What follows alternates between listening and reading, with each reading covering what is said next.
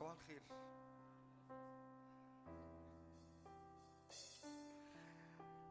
آه، أنا مبسوط إن أنا أكون معاكم. أنا اسمي صامول تعالوا كده نفتح آه، خروج 15 حد يعرف خروج 15 دي بيحكي عن إيه؟ برافو عليكم. خروج 15 الخروج العظيم. تعالوا نقف وإحنا بن بن بنقرأ الكلمات دي.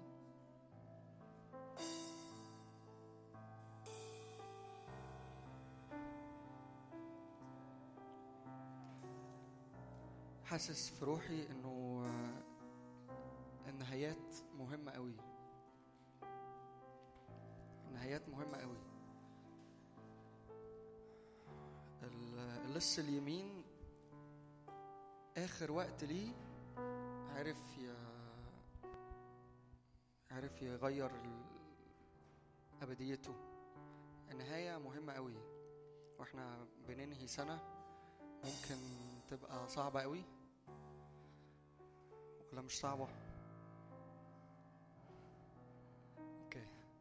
تعالوا آه، أنا مصدق إنه في خروج في وقت فصح في خروج في فرح في عبادة ربنا بيطلقها الوقت اللي جاي. بيقول كده حينئذ رنم موسى وبنو إسرائيل هذه التسبيحة للرب وقالوا أرنم لرب ينفع نقرأ مع بعض؟ ال- الكلمات دي مهمة دي عبادة. العبادة مش بس ترنيمة العبادة أنا بقول كلام عيني في عينين الرب بقول له أنت عظيم أنت مفيش زيك. ليس مثلك في كل الأرض. العبادة هي واقفة قدام الرب حينئذ رنم موسى وبنو إسرائيل هذه التسبيحة للرب وقالوا أرنم للرب فإنه قد تعظم. الفرس وراكبه ترحما في البحر. الرب قوتي ونشيدي وقد صار خلاصي. هذا إلهي فأمجده. إله أبي فأرفعه. الرب رجل الحرب. الرب اسمه. مركبات فرعون وجيشه ألقاهما في البحر فغرق أفضل جنوده المركبية في بحر سوف تغطيهم اللجج قد هبطوا في الأعماق كحجر يمينك يا رب معتزة بالقدرة يمينك يا رب تحطم العدو وبكثرة عظمتك تهدم مقاوميك ترسل سخطك فيأكلهم كالقش وبرياح أنفك تراكمت المياه انتصبت المجاري كرابية تجمدت اللجج في قلب البحر قال العدو أتبع أدرك أقسم غنيمة تمتلئ منهم نفسي. أجرد سيفي تفنيهم يدي. نفخت بريحك فغطاهم البحر. غاصوا كالرصاص في مياه غامرة. من مثلك يا رب بين الآلهة؟ من مثلك معتزا في القداسة؟ مخوف بالتسبيح صانعا عجائب. تمد يمينك فتبتلعهم الأرض. ترشد برأفتك الشعب الذي فديته. تهديه بقوتك إلى مسكن قدسك. يسمع الشعب فيرتعدون. تأخذ الرعدة سكان فلسطين. حينئذ يندهش أمراء أدوم. أقوياء مؤاب تأخذهم الرجفة يذوب جميع سكان كنعان. تقع عليهم الهيبة والرعب. بعظمة ذراعك يصمتون كالحجر حتى يعبر شعبك يا رب. حتى يعبر الشعب الذي اقتنيته. تجيء بهم وتغرسهم في جبل ميراثك المكان الذي صنعته يا رب لسكناك المقدس الذي هيأته يداك يا رب. الرب يملك إلى الدهر والأبد. فإن الخيل فرعون دخلت بمركباته وفرسانه إلى البحر ورد الرب عليهم ماء البحر وأما بنو إسرائيل فمشوا على اليابسة في وسط البحر. فأخذت مريم النبية أخت هارون الدف بيدها وخرجت جميع النساء وراءها بدفوف ورقص. وأجابتهم مريم رنموا للرب فإنه قد تعظم الفرس وراكبه ترحما في البحر. آمين. وإحنا واقفين كده غمض عينك ارفع قلبك للرب عظم الرب. ده وقت خروج الملوك.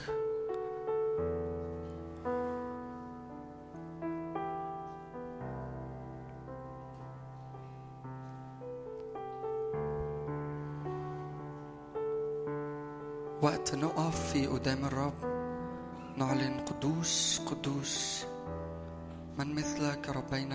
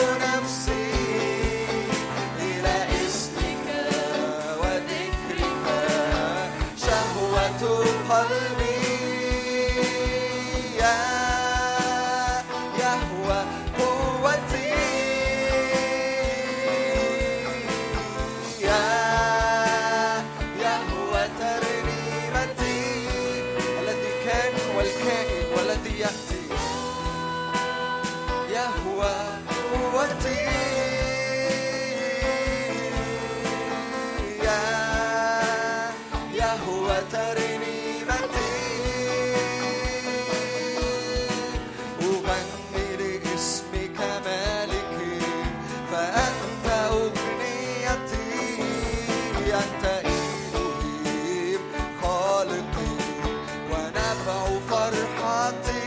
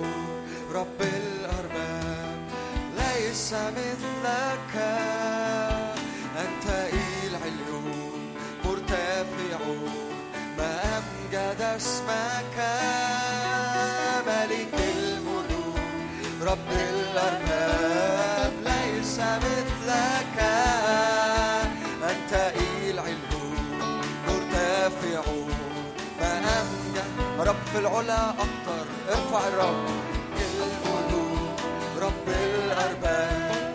ليس مثلك تقيل علو رب جاي نرفع اسمك. أنت اسمك مسبح ممجد ملك الملوك ملك الملوك. رب الأرباب.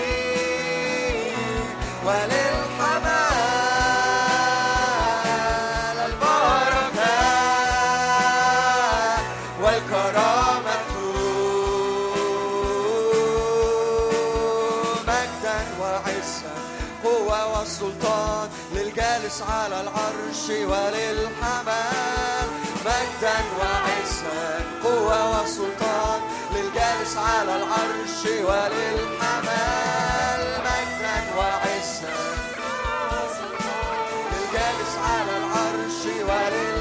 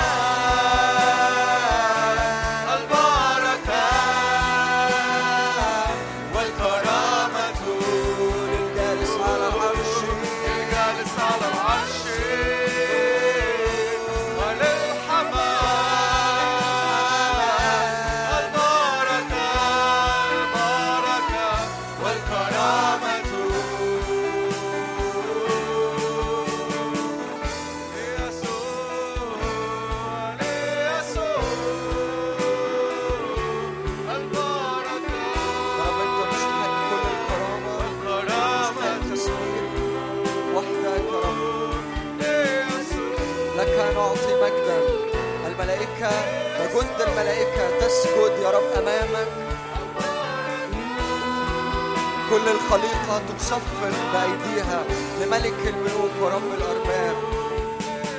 أعطوا مجدا وعزا وحينما تعطي الكائنات مجدا وكرامة يخر الشيوخ أمامك. قدوس قدوس قدوس مجدك من كل الأرض. الكل في هيكلك قائل مجدا.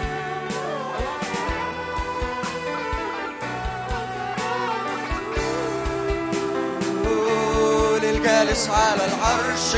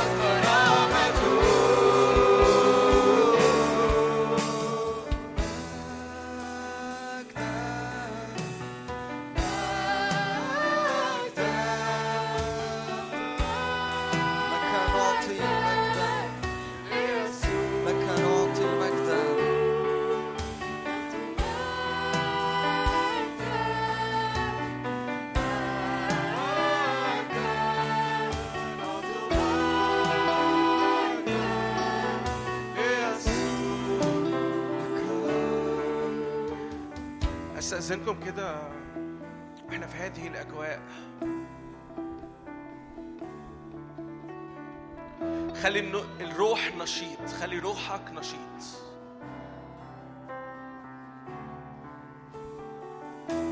وإحنا عمالين نكمل نعلن هذا الإعلان إعلان يسوع في وسطنا. أرجوك ما تفضلش قاعد في مكانك مستني اللي بيحصل ما تفضلش قاعد بتتفرج على اللي بيحصل. انجيج ده وقت غالي جدا وإحنا بنعلن فيه هذا الاسم بنعلن فيه هذه الطبيعة طبيعة يسوع اللي بتنسكب عليا وعليك. استقبل هذا الإعلان في هذا الصباح. إحنا هنكمل نعلن هذا الإعلان. هنكمل نعلن هذه الطبيعة.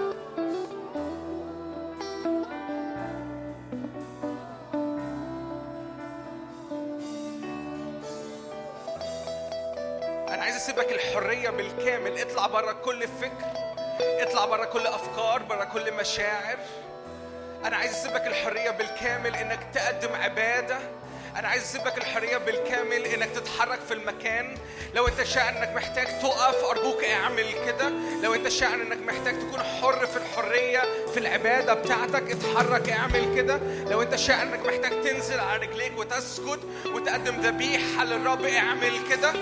أرجوك ما تفضلش قاعد بتتفرج على اللي بيحصل لأنه ده مش وقت فرجة. وقت نتقدم بجرأة إلى قدس الأقداس. يسوع يملأ المشهد. يسوع يملأ المكان. اعلن كده يسوع يسوع يسوع يسوع. صلي هذا الاسم صلي هذا الاسم.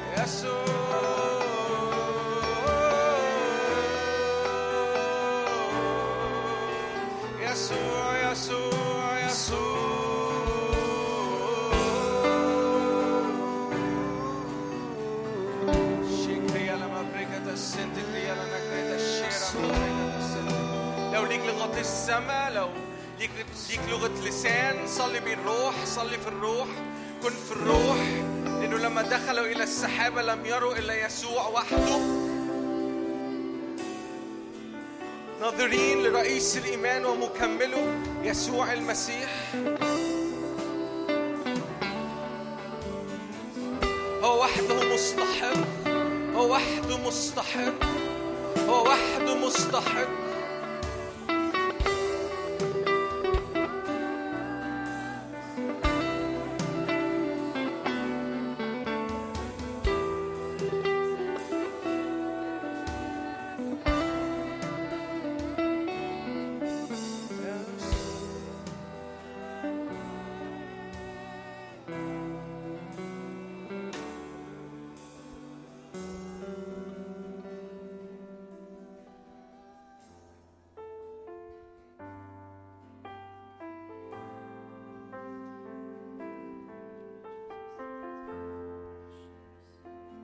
ينفع استاذنك نقف مع بعض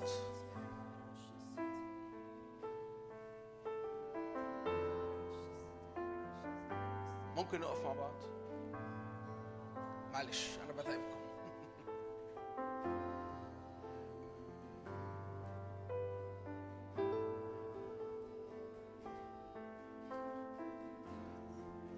مش عارف عنك بس في الروح في جوع وعطش ليسوع. قادر أميز إن في ملائكة بتعلن هذا الإعلان إعلان يسوع في وسطنا في القاعة. أنا قادر أميز إن في أمور في الروح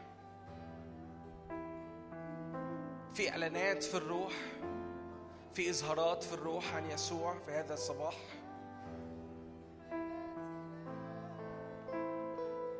فأرجوك ما تضيعش الوقت دوا. من غير ما تمد إيدك من غير ما تستقبل هذا الإعلان.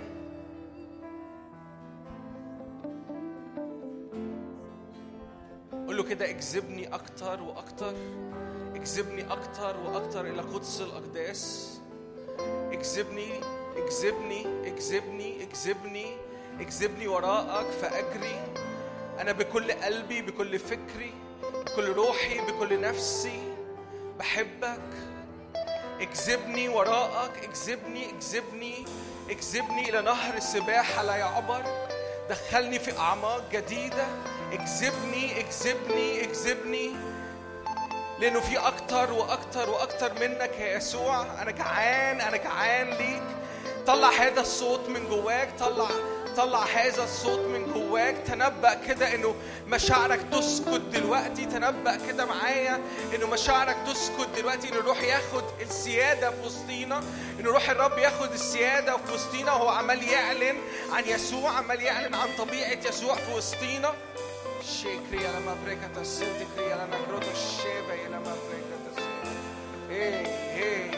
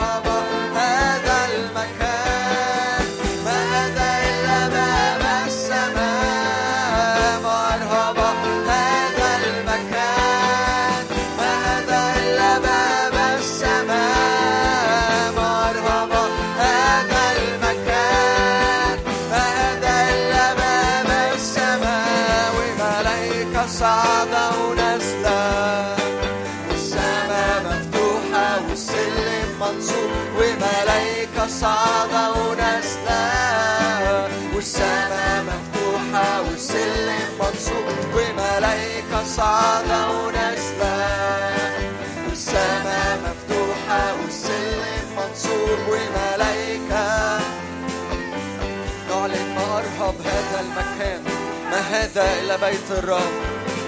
مرحبا هذا المكان ما هذا إلا باب السماء.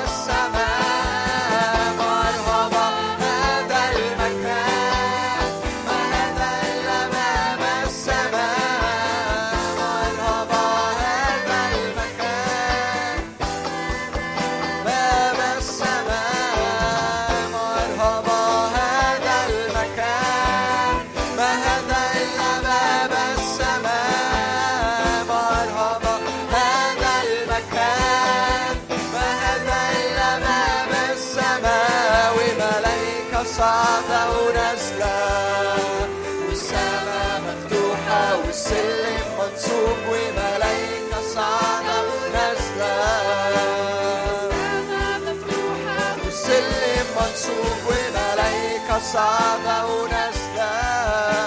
والسماء مفتوحة والسلم منصوب وملائكة صعد أو والسماء مفتوحة والسلم منصوب وملائكة صعد أو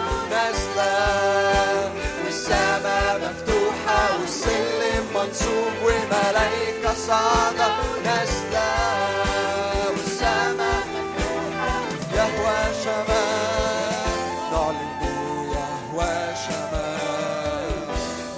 نهتف والرب هنا نعلن يهوى شمال نهتف والرب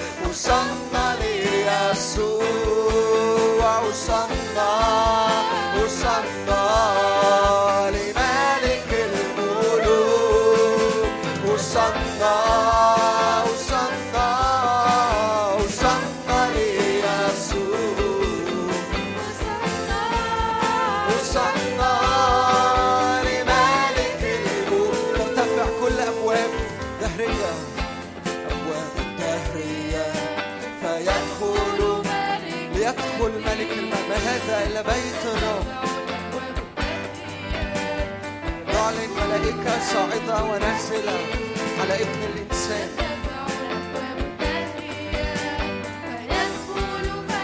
ترتفع الأبواب الدهرية ترتفع الأبواب الدهرية فيدخل ملك المجد. من هو هذا ملك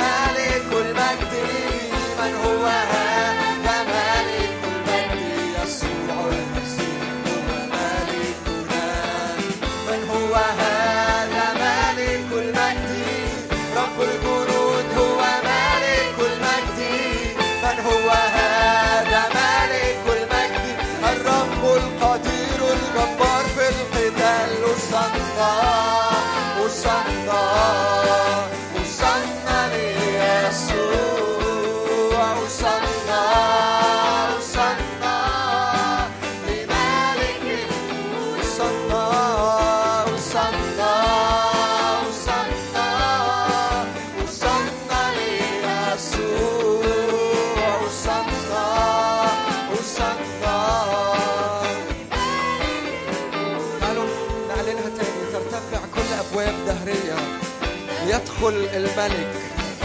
ملك الملوك رب الأرباب. قد اجتاز السماوات. دم صوته أعلى من صوت دم هابيل كل أبواب مفتوحة كل أبواب مقبولة ترتفع أمام ملك المجد. يخلق جيل يا رب يعبدك يسبحك بكل القلب.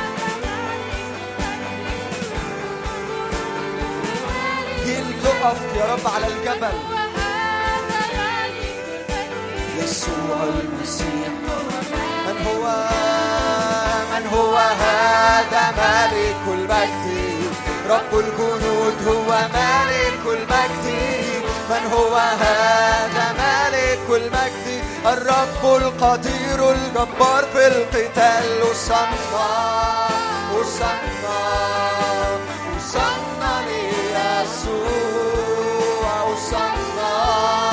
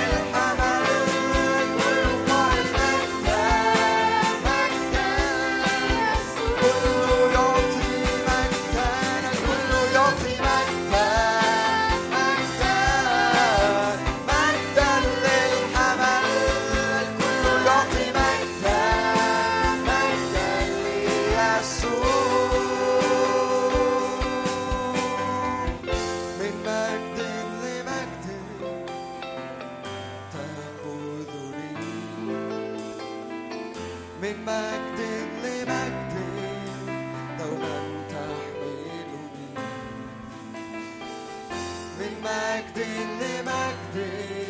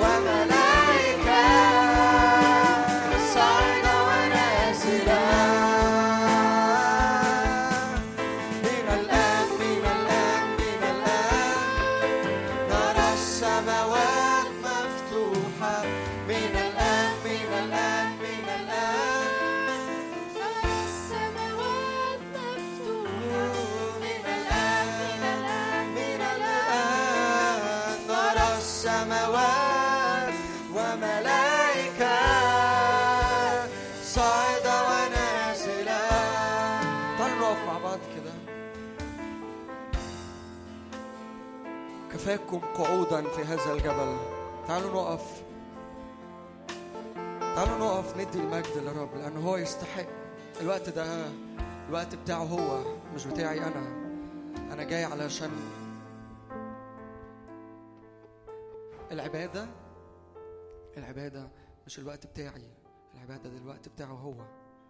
هو اللي يتبسط مش أنا اللي أرتاح. لما وانس إن هو يتبسط وانس إن هو ياخد المجد ياخد الكرامة أنا هتبسط. هو المركز. هو ال... إحنا جايين نشاور عليه هو. هو السنتر. لو لو هو أخذ المجد لو أنا اديته المجد لو أنا باركته بكل قلبي. وقت العبادة ده متوقف عليا أنا أنا اللي بدي. زي ما هو اداني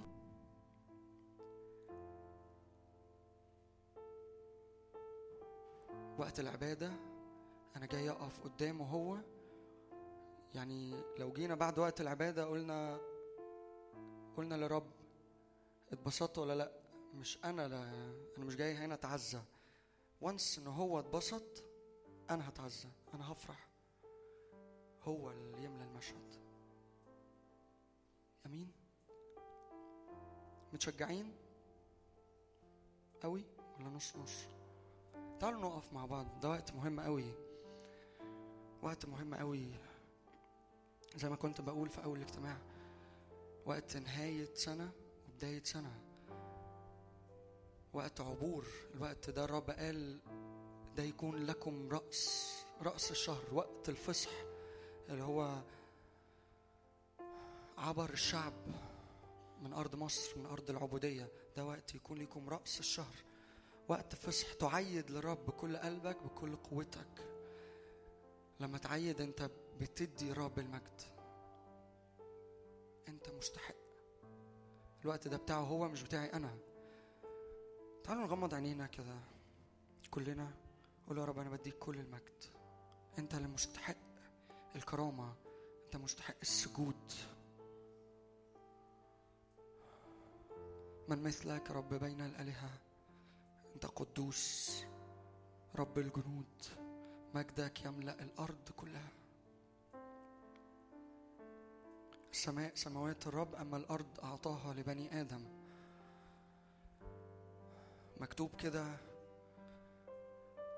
ويكون في آخر الأيام إني اسكب روحي على كل بشر فيتنبأ بنوكم وبناتكم ويحلم شيوخكم أحلام ويرى شبابكم رؤى جوع لرؤى وأحلام من الرب. جوع إن الرب هو اللي يكلمك يهمس في قلبك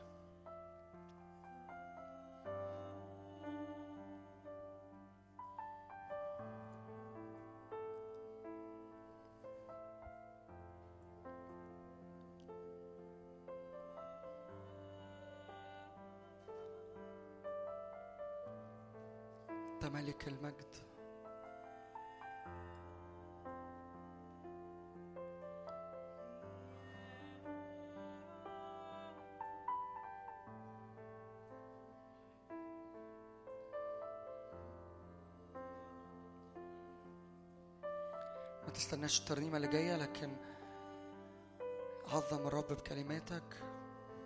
قول له أنا عايز أشوفك وريني مجدك. إن لم يصعد وجهك أمامنا لا تصعدنا من مش هنتحرك يا رب إلا لما نشوف مجدك. رب اتحرك قدامنا.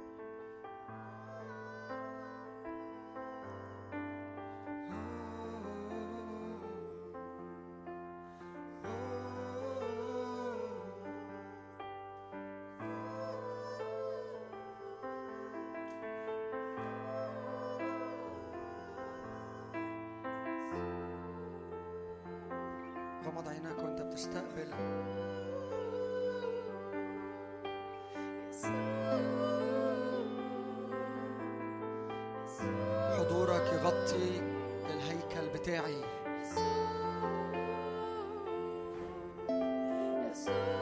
الكل في هيكلي الكل في الهيكل بتاعي يقول مجدا. مكتوب أنتم هيكل الرب وروح الرب ساكن فيكم. كل ما فيا يقول مجدا.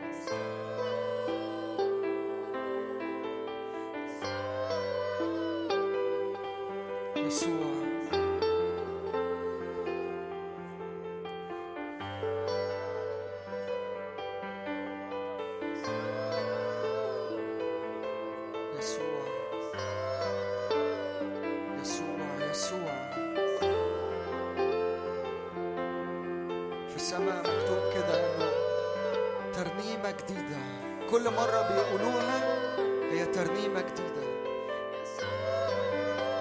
ترنيمة جديدة يسوع يسوع يسوع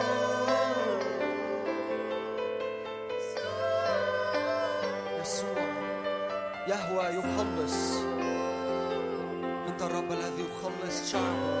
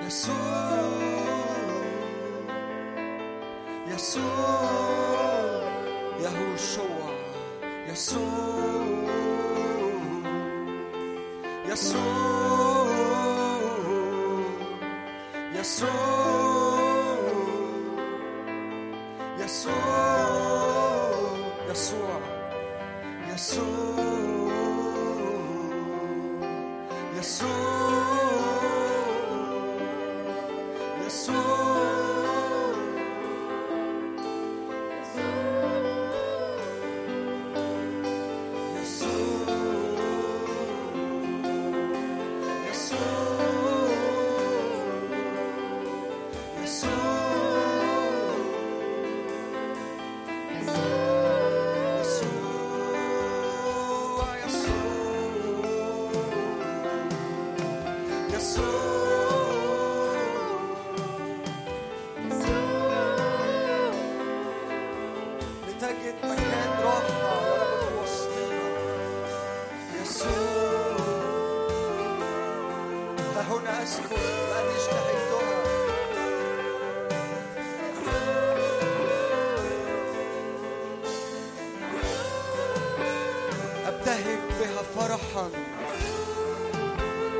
يبتهج بنا.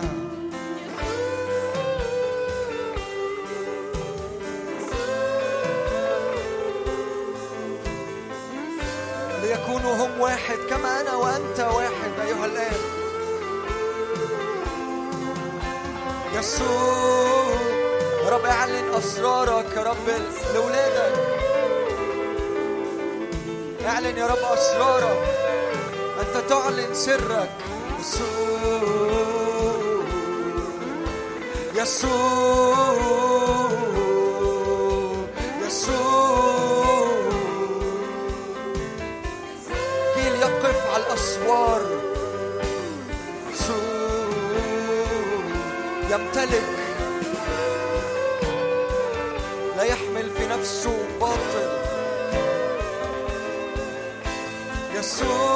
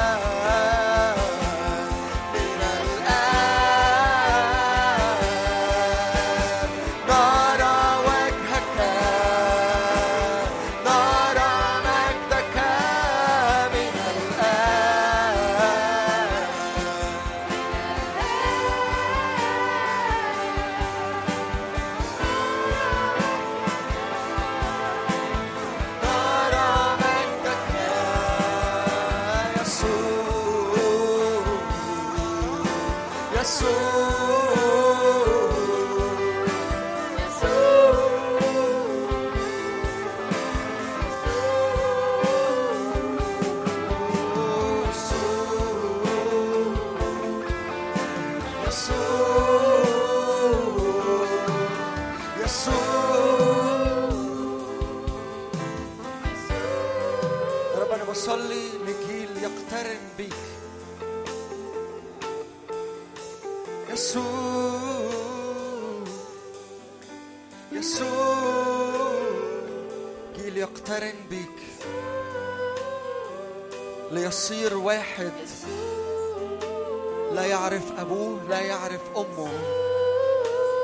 وحدك رب يعرف.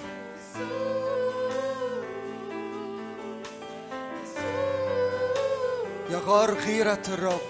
يسوع. يسوع. يسوع.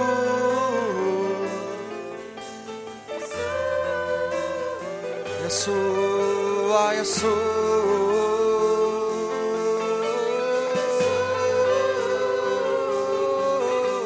يسوع يسوع. يقدم الغالي يا رب يسوع يسوع يسوع.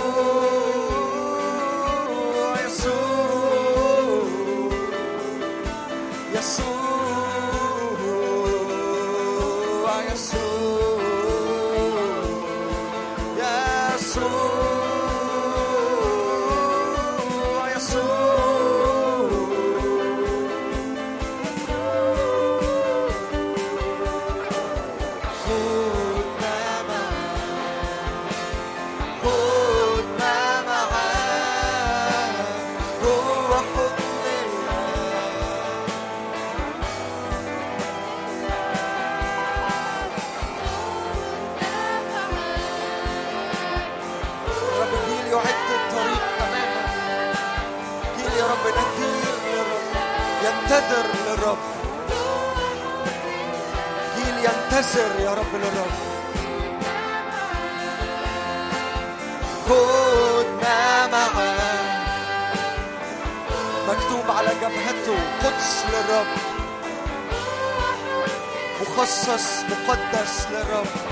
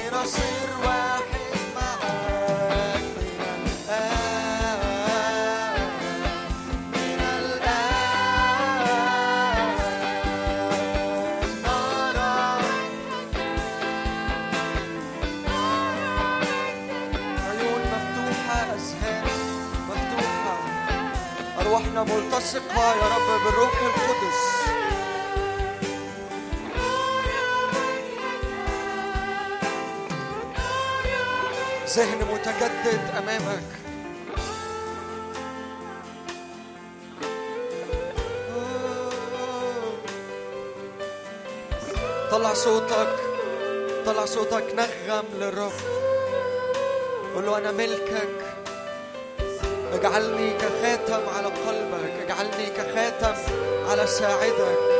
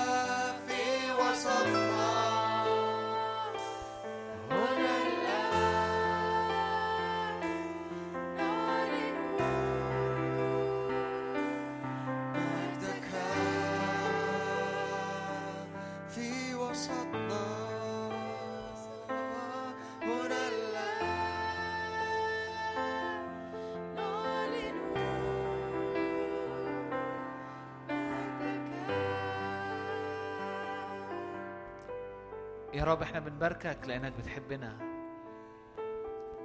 يا رب إحنا بنحبك لأنك بتحبنا.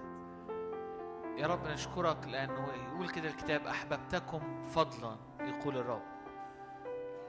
يا رب انت عندك القدرة إنك تحبني زي ما أنا إن حبك يلاقيني ويحوطني ويحتضني يا رب في مكان ضعفي في مكان مظلم في مكان تعبي عندك القدرة يا رب إنك تحبني فضلا. يا رب أنت ما عندكش مقارنات. أنت ما عندكش يا رب زينا. إحنا بنحب علشان. إحنا بنحب عشان في حاجة فرقت معانا فبنحب عشانها. ده البشر. لكن الرب عنده قدرة إنه يحبنا فضلا. إحنا بنشكرك يا رب لأنه مكتوب كده أحببتكم فضلا يقول الرب. تعالى يا رب و مطر علينا. تعالى يا رب واسكب علينا. تعالى وشاور اس يا رب محبتك اللي هي فضلا اللي هي بالنعمة. لأنه مهما حاولنا نفهمها بدماغنا مش هنعرف لكن لما أنت بتيجي يا رب وبتقابلنا بمحبتك أنت بتشفينا أنت بتغيرنا. عشان الرب يقول كده إنه يشفي الرب ارتدادنا يشفي بعدنا يشفي الرب أماكننا الضعيفة يشفي الرب أماكننا اللي لسه بايظة. إزاي بيشفي؟ بحبه. يقابلنا بحبه. أسمع صوته أرى وجهه أقابله فاتغير من جوه.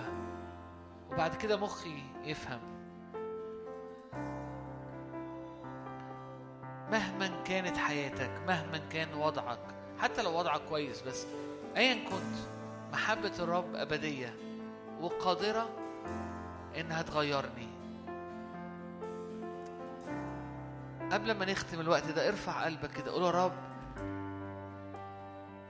وريني حبك. يا رب عايز أختبر حبك لأن حبك بيشفي.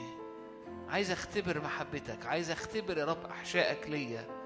عايز اختبر يا رب إزاي أنا متميز؟ يا رب وازاي أنا فريد؟ وازاي أنا يا رب آه، آه، مكرم في عينيك؟ لأن الكتاب يقول كده صرت عزيزا في عيني مكرما وأنا قد أحببتك.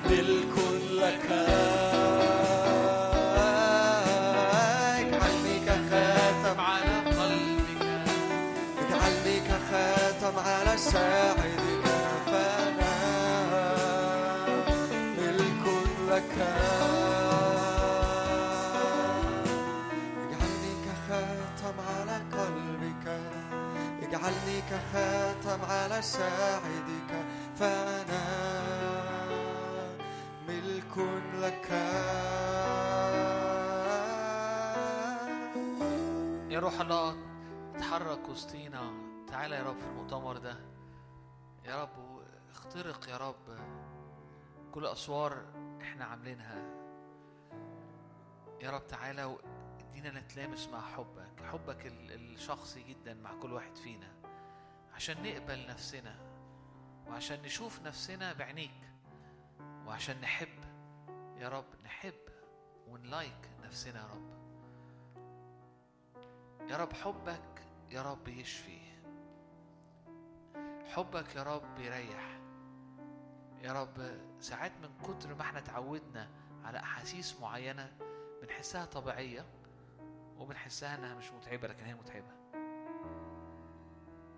ورب عايز يجي في المؤتمر ده وده نفس الحاجة اللي شعرتها لما جيت المرة اللي فاتت مش المؤتمر لما جيت الاجتماع.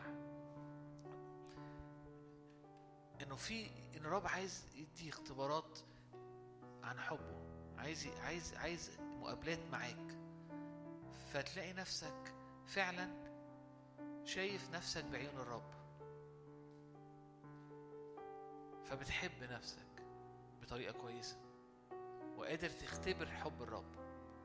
فما يبقاش في تعب في المقارنات وما يبقاش في تعب في العيشة. لأن العيشة بتبقى متعبة قوي لما في حاجة جوه مش مظبطة. ف وانت قاعد ارفع قلبك معايا كده قول يا رب تعالى وقابلني. يا رب تعالى باختبارات حبك. تعالى يا رب اديني اختبر كده نشيد الانشاد العريس. يا رب بيحب العروس بيقول لها انت جميلة يا حبيبتي. فتعيش الحب ده وتختبر يا رب حبك وتختبر يا رب العلاقة دي. فارتاح و... فارتاح يا رب بيك.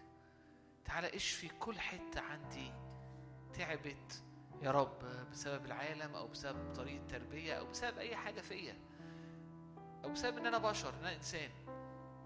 والطبيعة والإنسان مليان ضعف وطبيعته ساقطة. تعالى يا رب وردني بحبك يا رب فأ- فأشبع. يقول ويشبع شعبي من جودي. اديني أشبع يا رب فأعيش حر. أشبع بيك أشبع بحبك. اديني أسمع صوتك داخلي يقول لي أنت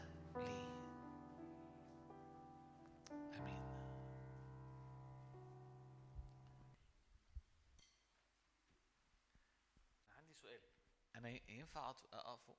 عشان بس أشوف الناس؟ آه، okay. خليني خليه تحت أحسن.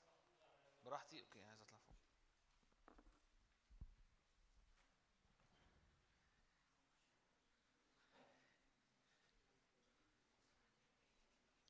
في العادي بحب أبقى تحت وأتمشى وسط الناس وكده بس أنا هنا شايف كل واحد فيكم.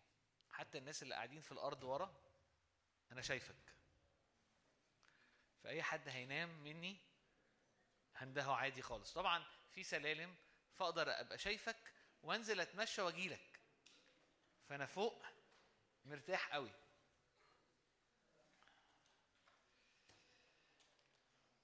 إيه الأخبار؟ عاملين إيه يا جماعة؟ أنا اسمي شادي. أنا جيت قبل كده آه، الاجتماع.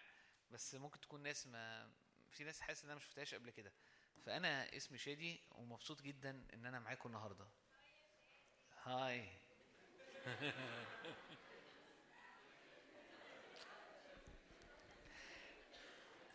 النهارده النهارده أنا عايزك تقعد مرتاح. عايزك تقعد مرتاح تاخد وقتك. لأن أنا عندي حاجة هاخد وقتي فيها عادي خالص وأنا بحكيها. في العادي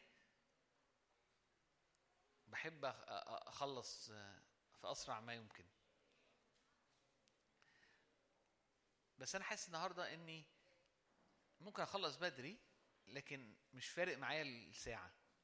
لأن عندي حاجة عايز أقولها وعايز أقولها على مهلي وعايزك تفهمها لأنها ممكن تغير حياتك. مبسوط إن أنا معاكم وهبتدي على طول. امبارح آه، كنت أنا و آه، أنا عندي بنت عندها عندها ثلاث سنين. ف... فرحت خدتها من المدرسة وكنت قاعد معاها أنا لوحدي أنا وهي. خرجنا يعني. وبعدين كنت عايز أخش الحمام طبعا أو أنا كنت عايز أخش الحمام. كنا في مول حلو حلو قوي اكشلي فدخلنا الحمام. انت عارفين الحمامات في المولات كبيرة شوية ففي كذا لكن الريحة في الحمام كانت وحشة جدا جدا جدا جدا. فرغم إن الحمام التاني اللي هي أكيد في كذا حمام في المول ممكن يكون بعيد شوية وما أعرفش هي هتقدر تستحمل ولا لأ أنا خ... في الآخر اضطرينا نطلع ونسيب الحمام عشان الريحة في الحمام كانت سيئة جدا. المهم القصة يعني إحنا رحنا الحمام التاني وكانت ريحته كويسة والحمد لله نيرة يعني دخلت الحمام كده غدينا الدنيا مشيت كويس. لكن الريحة الكريهة هي صعبة. صعبة. يعني معرفش لو أنت ركبت في الصيف مثلا مرة ميكروباص وكان في في الميكروباص ده حد مثلا كان عنده لظروف معينة كان مثلا بقاله ثلاث أيام في الشارع. فمثلا بقاله ثلاث أيام ما ما جاتلوش الفرصة إنه يتعامل مع مية. أنت بتبقى قاعد حاسس أنا عايز أنزل ومستعد إن أروح مشي. أو أقف في الشارع أنا مش قادر أقعد. لأنه الريحة الكريهة صعبة. إحنا في الحمام أنا أول ما دخلت لها نيره يلا إحنا هنطلع. يا بابا إيه؟ قلت لها يلا نطلع يلا نطلع يلا نطلع. أنا أول ما دخلت حسيت إن الريحة في السيستم دخلت السيستم كله بتاعي يعني يعني من فاهم؟ كل حتة كل حتة فيا صدعت. في أول ثانية حسيت حاجة صعبة خالص خالص.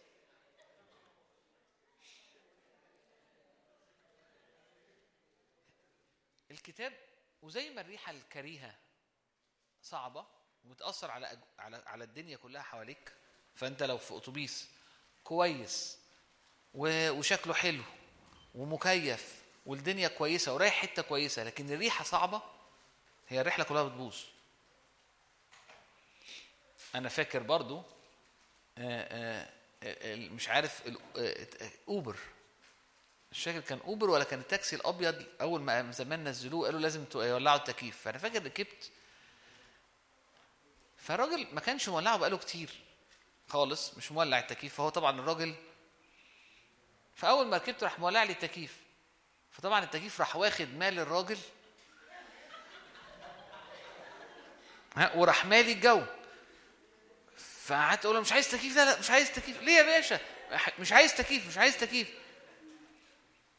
المكان كله رغم إن فيه تكييف ورغم إنه تاكسي محترم أو أو أوبر محترم ورايح حتة كويسة لكن أنا أنا أنا كنت متعذب هموت جوه. قفلت التكييف فتحت الشبابيك عايز أنزل بأي طريقة. الريحة الكريهة أو الريحة الصعبة متعبة. في نفس الوقت الريحة الحلوة حاجة حاجة روعة. يعني معرفش. تعرفوا إنه في المحلات بقالهم 15 أو 20 سنة دلوقتي ابتدوا حاجة جديدة؟ إنه بيحطوا روايح معينة في المحلات بتاعة اللي أنت بتشتري منها. يعني في أمريكا اي ثينك ابتدوا من التسعينات لأن أنا خدتها في الجامعة وأنا اتخرجت سنة 2000 ف... فلما أنا خدتها في الجامعة هو بيحط لك ريحة معينة في المحل. الريحة دي لأنها حلوة انت بتحس جوه بأحاسيس حلوة فبتحس ان انت عندك good mood فعايز تشتري. بتحس ان انت عندك good mood فعايز تشتري وعايز تقعد في المحل وهكذا. وبقى يعملوا ده في الكافيهات وبقى يعملوا ده في كذا و, و, و انه انه انه بيظبطوا المكان بريحة حلوة معينة. الريحة دي بتساعدك ان انت ت feel good حتى وانت مش حاسس هي ليه. you feel good تحس انك تحس إنك مبسوط. الكتاب بيقول عن الرب أو الرب بيقول عن نفسه في نشيد الأنشاد كده. نشيد الأنشاد واحد.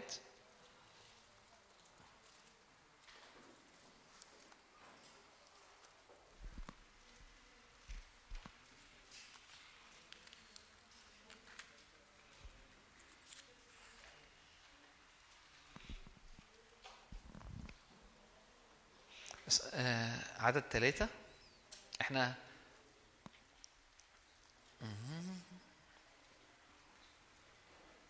أوكي. آه إحنا مش عندنا هنا. بيقول كده لرائحة أدهانك الطيبة. اسمك دهن مهراق. بيقول كده عن الرب إن اسمك يا رب دهن منسكب. أو حاجة حلوة قوي الدهن ريحته حلوة قوي لكن كمان لو انت بتسكب الدهن الريحة بتطلع بقوة غير عادية يعني بتبقى very strong وبتطلع وب... فبيقول على الرب إن اسمك يا رب دهن منسكب. انت يا رب دهن منسكب. فبتعمل ريحة غير عادية وعشان كده إحنا وده ب... ب... وده وعشان كده بنتعلق بيك وبنحبك. اسمك يا رب دهن مهراق اسمك دهن منسكب في ريحة عطرة جميلة يا رب فيك. الحياة لما بتتعاش بيسوع انت بتعيش كل حاجة في حياتك بدهن منسكب. فريحة العيشة وريحة التفاصيل وريحة الحياة اليومية وريحة الجامعة وريحة الشغل وريحة وريحة وأجواءك وأنت بتعبر في وادي ظل الموت نفسه مختلفة. لأنه اسمك دهن منسكب فيلذ له نشيدي وأنا أفرح به. فتلاقي نفسك بترنم فرحان قراب فرحان بيك وأنت فرحان بيه وفرحان بالدنيا رغم إن الدنيا حواليك مش لازم تكون حلوة.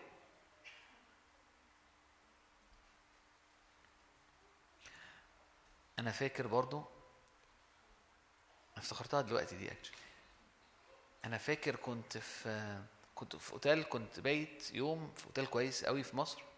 كان في فرح فاضطريت أبات. وبعدين بعد الضوء بالليل فتح ال- الأسانسير دخلت الأسانسير كان في واحد already في الأسانسير. ما أعرفش كان حاطط إيه بس ريحة الأسانسير أنا مش ناسيها لحد دلوقتي. بعد ما نزل قعدت أفكر نفسي أقول له "إنت- هو أنت حاطط إيه؟ ما كانتش perfume ما كانتش perfume كان غالبا كريمات أو حاجة بس حاجة ريحة. يعني فضلت قاعد في أسانسير شوية.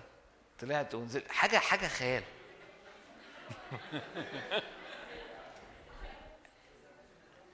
ال- الريحة الحلوة مشبعة. ده بنفهمه بالطبيعي بس ده حقيقي في الكتاب. اسمك يا رب دهن مهراق دهن منسكب. ففي ريحة حلوة قوي قوي قوي منسكبة. ده يسوع. الدهن ده دهن. عارفين دهن المسحة؟ كان ريحته حلوة. يسوع اسمه إيه؟ يسوع المسيح. المسحة ريحتها حلوة. فالمسحة عبارة عن زيت مع أطياب مع كده وهي منسكبة ريحتها حلوة.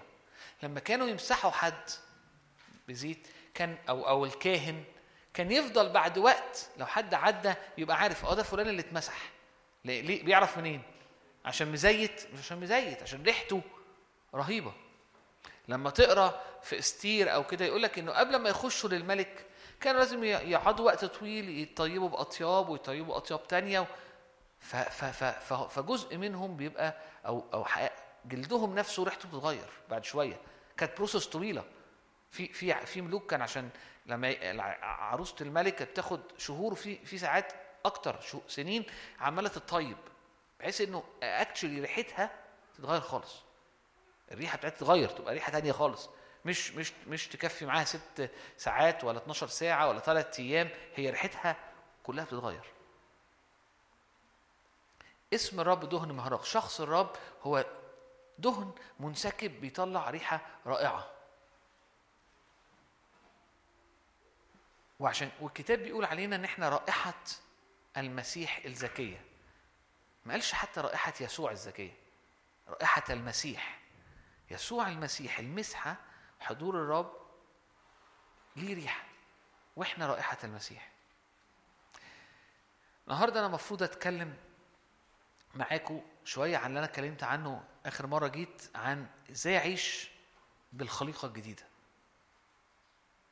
أو إزاي أعيش بالروح. حبيت أبتدي بنقطة أنا شايفها بالنسبة لي مهمة جدا.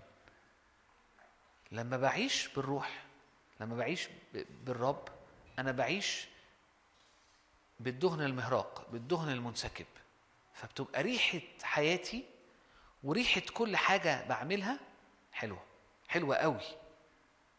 فتلاقي نفسك في الجامعة في ريحة حلوة في علاقتك مع أهلك في ريحة حلوة حتى لو هم صعبين.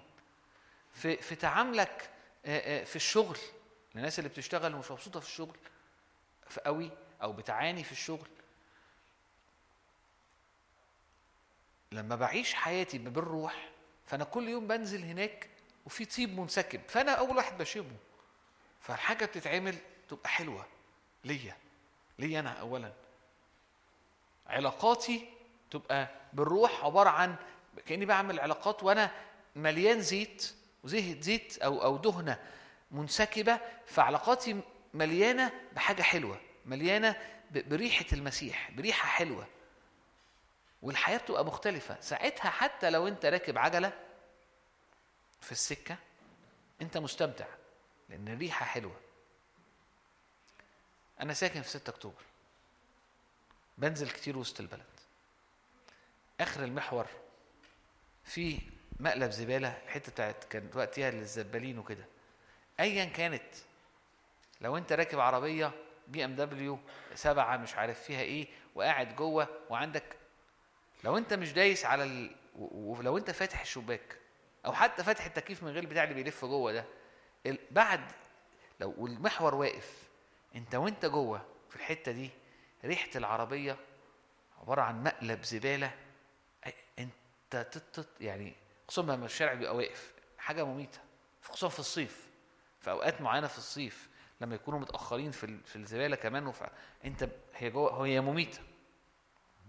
لو حضرتك نفس الشخص ومش راكب حاجة رهيبة وراكب عجلة وماشي في حقول مثلا فيها حاجة بتورد أو في وقت هي الحياة مختلفة خالص جاست لأن في ريحة جميلة جاست لأن في ريحة حلوة. بديك الصورة دي عشان أقول لك إيه؟ حياتنا مش لازم تكون طعمها أو ريحتها زي ما إحنا عارفينها. الرب دعانا عشان حياتنا تبقى مليانة حل- حلاوة وجمال. إزاي؟ إني أعيش بالروح. لما بعيش بالروح لما بعيش بالخليقة الجديدة أنا كأني يسوع اللي هو دهن مهراق مالي الأسبكت الحاجة اللي أنا بعملها وماليني. فالحياة نفسها بتبقى حاجة تانية خالص. البديل لده إيه؟ اللي أنا بقى أعرفه كويس وانت تعرفيه كويس. إيه البديل؟ إن أنا أعيش عادي. يعني إيه عادي؟ أعيش زي ما تخ... عادي. أعيش بقدرتي وأعيش ب... ب... أنا أعيش شادي. أي حد ما يعرفش الرب عايش بنفسه. وناس كتيرة تعرف الرب عايشة بنفسها. طب عايش أنا أنا هخش في تفاصيل بس أنا عايز أشرح لك الفكرة العامة. يعني إيه عايش بنفسي؟ يعني عايش بقدرتي وعايش بطريقتي وعارف تربيتي وعايش شادي. شادي وهو عايش طبيعي بيعمل الحاجة وهو بيعملها بيعرق. فبتطلع ريحة وحشة. فبعد شوية حاجات قليلة تبقى أوكي. وحاجات كتيرة قوي تبقى متعبة. وافتكر إن هي العيشة كده وهي الدنيا كده. وهو العالم كده. فعلا هي الدنيا كده والعالم كده بس يسوع جه عشان ينقذنا من العالم الحاضر الشرير. لما بنقرأ الآية دي بنقول إيه؟ آه ينقذنا يعودينا السماء. لا ينقذنا يعني يعني بدل ما أنت عايش في عالم كل حاجة بتعملها بمجهودك فبتطلع ريحة وحشة في النص فتبقى تعبان ومش مستمتع وحاجات قليلة قوي اللي بتنبسط فيها. يومين المؤتمر رحلة يوم مع حد صاحبك يا دوبك ده بيبقى حلو. فالأسبوع عبارة عن عذاب وحتة كويسة والشغل عبارة عن عذاب وحتة كذا. لما تبقى دي العيشة فعلا لها حق الناس تقول إيه؟ إنه العيشة صعبة. بس الناس تقول لك إيه؟ هي دي الدنيا. هو ده العالم الحاضر الشرير اللي سقط. هو ده أنا بقى لما سقطت بعمل مجهود بعمل حاجة بطريقتي فبعرق. فبتطلع ريحة وحشة فالعيش تبقى صعبة. الرب دعاني ده اللي هتكلم عليه النهارده. لخليقة جديدة. لما بعيش بيها دهن الرب المنسكب اللي ريحته حلوة بيبقى في كل حاجة بعملها وفيا. فتبقى الحياة حلوة. سيمبلي ببساطة الحياة حلوة. وانت تنجح وانت تتغير. في فرق كبير قوي. لما مثلا أقول لك خش اعمل الشغلانة الفلانية في أوضة فيها حاجة معفنة فعلا معفنة. انت مش هتعرف تشتغل. وهتجري. ولما أقول لك خش اعمل نفس الشغلانة في حاجة في في جناح في مش عارف فين حاطين روايح إيه في سويسرا. أنت هتبقى جوه يعني هتشتغل حاجة ليه؟ في حاجة كبيرة قوي متغيرة أجواء الدنيا. الرب دعيك إنك تعيش في كل حاجة بتعملها تحت أو بالاسم أو بالدهن المنسكب. الدهن المهراق فتبقى الريحة العيشه حلوة. هو ده اللي عايز أتكلم عليه النهارده. خدت شوية يعني خدت شوية كتير في الأول المقدمة بس هو ده اللي عايز أشرحه لك. لو فكرت بدماغك من حقك أو أنا بتكلم عن نفسي في أوقات في حياتي أنا ما كنتش فاهم ربنا مع إني كنت حتى وأنا مؤمن. هو ليه العذاب ده؟ هو ليه الجهاد ده؟ هي ليه الدنيا فيها حتة حلوة وعشرين حاجة مش حلوة؟ لما كنت في الجامعة رغم إني في الجامعة كنت بحب الرب وخدمت وكان عندي أصحاب وكنت كانت أيام بالنسبة لي حلوة بس كان في حاجات كتير قوي مش حلوة. ليه؟ لأني كنت عايش بإيدي. فكنت في حاجات كتير ما بعرفش أعملها. في حاجات كتير قوي بعملها وأنا شايل تربيتي وطريقة التربية اللي فيها حاجات كويسة بس فيها حاجات كانت نيجاتيف تعبتني في حاجات تانية. فكانت الأيام في الجامعة فيها أيام جميلة فيها أوقات كتير قوي مش حلوة. كانت أيام الفسحة فيها أيام حلوة بس فيها حاجات كتير قوي مش حلوة لأن لما بيحصل خلاف لما بيحصل خناقة لما بلاش. أنا فاكر كويس قوي وأنا عندي 8 9 سنين الوقت ده فاكر الصيف كنا بنروح سيدي عبد الرحمن كان سيدي عبد الرحمن فيها حتة كده حلوة قوي حاجة حاجة جميلة يعني ده حاجة دلع. ومع كل قرايبنا وناخد عربية نقل عربية نقل ناخدها معانا فيها العجل. بص يعني يعني ديزني لاند إحنا كنا عايشين. فيها. يعني عربية نقل بياخدوها لنا فيها العجل. وفيها ال deep freezer اللي مليان اللي هيبقى مليان الأكل لحمة ومش عارف إيه وعشان هنقعد 14 يوم على البحر حاجة ومش عارف والعيال الصغيرة ما عندهاش عجل العربيات بتاعتهم. والشنط عشان الشنط ما تتعبش العربية. يعني حاجة أنا فاكر لحد دلوقتي الإحساس وإحنا هناك. كان في أيام صعبة جدا واحاسيس صعبه جاية منين؟ جاية من مقارنات مثلا. كل حاجة روعة. في العلاقات عيال. فكان في مقارنات. ده عجلته أحلى من دي. ده سريع وده بطيء. ده لذيذ وده غلس وده حقيقي. في عيل لذيذ. في عيل رخم. وممكن تكون أنت العيل الرخم. وممكن اكون أنا العيل الرخم. فأنا عارف إن أنا رخم. فا- فاهم قصدي؟ أنا عارف إن أنا رخم. بس مش عارف أبقى لذيذ أكتر من يعني مش عارف. ده آخري. ساعتها أنا أنا بقى أنا بتبتدي بقى حاجات داخلية تبقى أنا عايز أمشي شمال والناس عايزة تمشي يمين بس أنا مش فلكسبل فمش عارف أمشي معاهم فاتضايقت فتعبت ففلان جرحني ف ادي يوم ضاع. خد من ده بقى. خد من ده العيشة. خد من ده وخد من ده في البيت. أهلي بي أخويا أصل أختي أصل ما بي ما ما طريقتهم أصلهم بيفرقوا أصل في خد من ده في كل حاجة. هي دي هي دي العيشة. والعيشة فيها ريحة حاجات كتيرة قوي سواء بس الناس أو أنا بنطلع روايح وحشة. تبقى العيشة صعبة. يسوع قال أما أنا فأتيت لتكون لهم حياة. هقف هنا. حياة الله تكون ليك النهارده. وتكون الحياة دي بوفرة.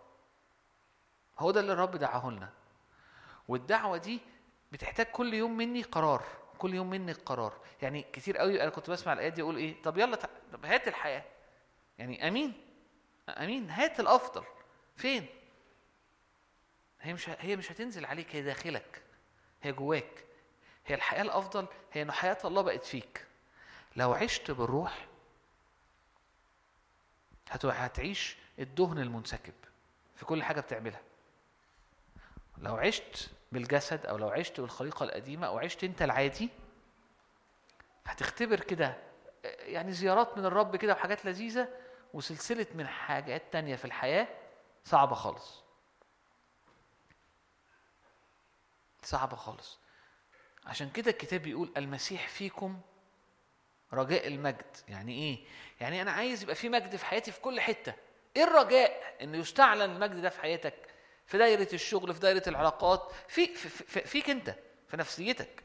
يعني انت تبقى شخص بدل ما تبقى مكلكع بدل ما تبقى معقد بدل ما تبقى متعب بدل ما تبقى منفر بدل ما تبقى فاشل تبقى شخص مليان مجد. المجد ده يعني المجد ده يعني حضور الرب اللي ظاهر يعني فالمجد معناه إنه نجاح سماوي ومعناه إنه شخصية مليانة حب سماوي. ومليانه اتساع سماوي ومليان جمال سماوي ومليان ومليان. طب أنا عايز أشوف المجد ده. المسيح فيك. إن المسيح جواك هو ده اللي يوصلك للمجد. فلو عشت بيسوع اللي جواك هتعيش مجد. ولو عشت بنفسك هتعيش تعب. وهتعيش ريحة وحشة. عشان كده الكهنة كان العهد القديم كله رموز. فكان الكهنة بيلبسوا لبس معين وما ينفعش يلبسوا لبس تاني. إن في لبس كان بيعرق في ما بيعرقش. عايز يقول لك إيه؟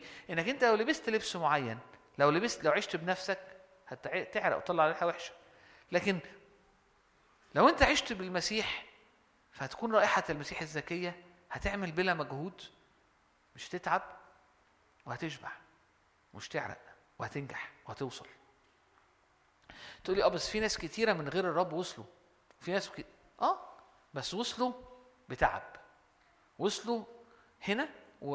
وحاجات تانية ضربت. وصلوا واقعد معاهم شخصيا هتلاقي في عناء هتلاقيه بيقول لك آه الحياة صعبة. آه الدنيا مش حلوة. آه انت لازم تعمل كذا. لكن لما شخص بيبقى بالرب بيتحرك هتلاقي وعايش بالمسيح في كل الدوائر هتلاقي كل الدوائر ظابطة. كل الدوائر فيها مجد. والشخص واسع. يعني عشان نخش بس عشان إيه؟ نخلص. افتحوا معايا غلطية. إحنا هنقرا كتير قوي. هو ده, ده ما ينفعش يشتغل؟ ما ينفعش يشتغل. غلطية؟ رسالة غلطية؟ رسالة غلطية فيها حاجة غريبة قوي. إن بولس كان عصا كان متنرفز قوي. كان كان حاد قوي. يعني في نص يقول لهم أيها الغلطين الأغبياء من رقاكم انكم ما إيه أنتوا إيه اللي سحركم؟ وخلاكم تفكروا بالطريقة دي.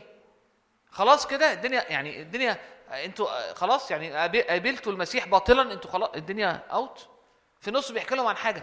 لهم أنا في الموضوع ده وقفت مع بولس مع بطرس واجهته وشديت معاه وقلت له ما ينفعش كده. وكان برنابا معاهم قلت له يا جماعة ده ده رياء ده مش صح. كاتب الكنيسه هناك كانت يعني بلد يعني كاتب للمؤمنين في البلد. هو إيه اللي حصل؟ أنت ده, ده بيحكي إيه؟ يعني اولا بيقول لهم أنتوا مش عارف إيه ثانيا بيحكي حاجة بينه وبين بطرس حصلت ويقول لك أنا كلمته قدام الناس وقلت له أنت غلطان وهو غلطان على فكرة.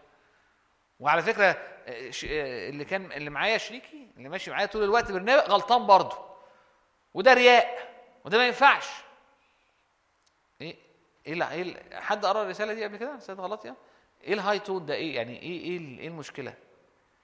المشكلة كانت ليها دعوة بال بال بال topic بتاع النهارده. إنه فجأة ال ال ال الغلطيين ابتدوا يحسوا إن مش لازم أعيش بالروح. أنا ممكن أعيش ب بال- بالط- بالطريقة القديمة اللي ممكن تسميها الناموس أو قوانين أو باللي أنا عارفاه أو بطاقتي بطيء حاجات معينة. بولس بيقول لهم ده ده إنجيل تاني خالص. ده يعني أنت البشارة نفسها أنت البشارة باظت. لو عشت كده البشارة باظت. ده ما ينفعش. قال لهم في آخر رسالة قال لهم مرتين لا الغله ينفع ولا الختان ينفع في المسيح. لكن الخليقة الجديدة لكن الإيمان هو اللي ينفع. مرة قال لهم الإيمان ومرة قال لهم الخليقة الجديدة في آخرها. فبصوا يا جماعة العيشة كده مش تنفع. أحب أقول لك إن إحنا إن معظمنا عايشين بالناموس. ومش بالخليقة الجديدة ومش بالإيمان. وهوريها لك. وأنا برضو الأيام اللي بعي أو الأوقات اللي بعيشها بالناموس أو بالخليق بال... بال... بالقديم مش قليل. ودايما في امتحانات إنه أنا دلوقتي في الظروف الصعبة هعيش بإيه؟ هعيش والله زمان يا سلاحي تعرفوا آه ده عبد الحليم دي أغنية مش تعرفوها. هتعيش باللي هو إيه؟ يعني strong enough to live. أنا جو مش هعيش كده ولا هعيش بالروح. غلاطية بولس بيبتدي. هو معاكم أناجيل؟ كم واحد معاه؟ انجيل وفاتح ال ممكن ترفعوا ايديكم بس عشان أحس إن أنا آه okay. إحنا good معقول. بولس بيبتدي بيتكلم عن نفسه وبي- وبيتكلم بسرعة. بولس رسول لا من رسول لا من ناس ولا بإنسان. وأنا كاتب رساله غلطيا وبيبتدي التحيه. بس بيقول لهم حاجة بيقول لهم بعد ما قال لهم التحيه نعمه لكم وسلام في عدد ثلاثة من الله الاب ومن ربنا يسوع المسيح الذي بذل نفسه لاجل خطايانا لينقذنا من العالم الحاضر الشرير. دايما كنت ابص على الآية دي أو كتير كنت ابص عليها واقول آه يعني العالم شرير رب عايز ينقذنا منه عشان نعيش حياة مختلفة. في الحقيقة في ضوء اللي أنا هقوله النهارده هو إحدى معاني انه ينقذنا من العالم الحاضر الشرير إنه ينقذني من الريحة الوحشة. اللي موجودة في العالم اللي موجودة فيا. فعيش في العالم ده بريحة المسيح الزكية. فعيش هنا في رحب بدل الضيق. وعيش هنا في نجاح بدل الفشل. وعيش هنا في, في راحة مش في ضغطة. وعيش هنا قادر مش مش قادر. وعيش هنا حر مش عبد. وعيش هنا ملك مش أسير. لينقذني من العالم الحاضر الشرير. كونه ما كانش لازم يحطها على فكرة. يعني هو قال كتير ما بيقولش قال نعمة لكم وسلام من الله الآب ومن ربنا يسوع المسيح. خلاص full stop لا راح قايل الذي بذل نفسه لأجل خطايانا. أمين. آه هو مات عشان خطاياك. أمين. عشان ينقذكم يا جماعة. عشان ينقذكم يا غلطيين من عالم دلوقتي أنتوا عايشين فيه اللي إحنا عايشين فيه الحاضر اللي شرير جدا اللي بايظ جدا. ودي كانت إرادة الله حسب إرادة الله وأبينا. ودخل في الموضوع على طول. قال لهم بصوا إني أتعجب عدد ستة إنكم تنتقلون هكذا سريعا عن الذي دعاكم بنعمة المسيح إلى إنجيل آخر. وبيقول لهم لا هو مش إنجيل آخر ده مش إنجيل أساسا ده أنتوا بيضحك عليكم ده ده, ده تهريج. هو هو بيقول لهم إيه؟ بيقول لهم بصوا من الأول على طول داخل كده بيقول لهم بصوا أنتوا يا غلاطينيين أنتوا إيه اللي جرى لكم؟ أنتوا فجأة اتنقلتوا من إنجيل الإنجيل اللي بنعمة الله من النعمة من بشارة نعمة المسيح لإنجيل تاني خالص. بس هو مش إنجيل لأن هو مش موجود. دي, دي مش بشارة دي مش رسالة ده مش من الرب. وهتلاقيه ناشف كل طول الرسالة كده إنه بيقارن بين النعمة بين المسيح فيا بين الخليقة الجديدة والعيشة بده وبين إني أعيش بالناموس أو بدراعي أو يعني إيه بالناموس؟ هنشرحها بعد شوية. لكن هو طول الرسالة عمال يتكلم عن الحتة دي لأنه في الآخر في الرسالة دي عايز يقول لك إيه؟ عايز يقول لك عيش بالخليقه الجديدة. لأنك لو ما عشتش بالخليقة الجديدة أنت هتبقى عايش في عالم حاضر شرير وهتخر على دماغك. عارفين في مثل يقول لك ال- اللي يشيل قربة أو أو زي حاجة مخرومة أنت هتبقى شايل أنت العالم هي- هيرق عليك. هي ليه؟ لأنه وحش وشرير. فأنت عندك حلين يا إما تعيش زي الناس يا إما تعيش بطريقة تانية خالص منقذ من العالم.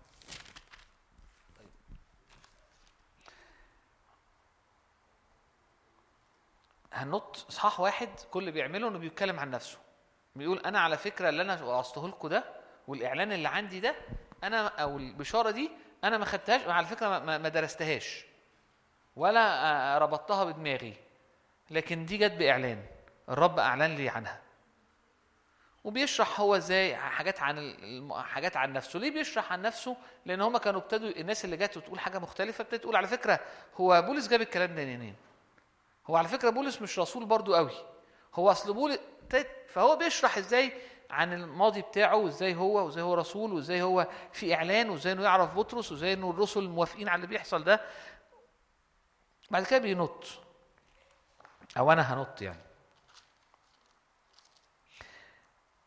ع- اصحاح اتنين. بيقول كده في عدد 11 ولكن لما أتى بطرس إلى انطاكيا قاومت مواجها لأنه كان ملوما. لأنه قبلما لأنه قبلما أتى قوم من عند يعقوب كان بيأكل مع الأمم. ولكن لما أتوا كان يؤخر نفسه. عدد 13 ورأى معه باقي اليهود أيضا حتى إن برنابا أيضا انقاد إلى ريائهم. عدد. عدد بعد كده بيقول إيه؟ 15 نحن بالطبيعة يهود ولسنا من الأمم. إذ نعلم أن الإنسان لا يتبرر بأعمال الناموس بل بالإيمان بيسوع المسيح أمنا نحن أيضا بيسوع المسيح لنتبرر بإيمان يسوع لا بأعمال الناموس. عدد 19 بيقول إيه؟ عدد 19 يقول إيه؟ لأني مت بالناموس للناموس لأحيا لله.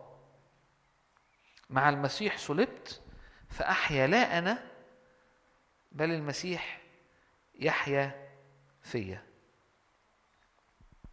إيه اللي بولس بيقوله؟ بيقول هم كانوا واخدين الناموس. الناموس كان عبارة عن قواعد. فابتدى الشعب بعد ما عرف الرب شوية ابتدوا يحسوا إنه في قواعد معينة المفروض نعيش بيها. اللي هي في الناموس.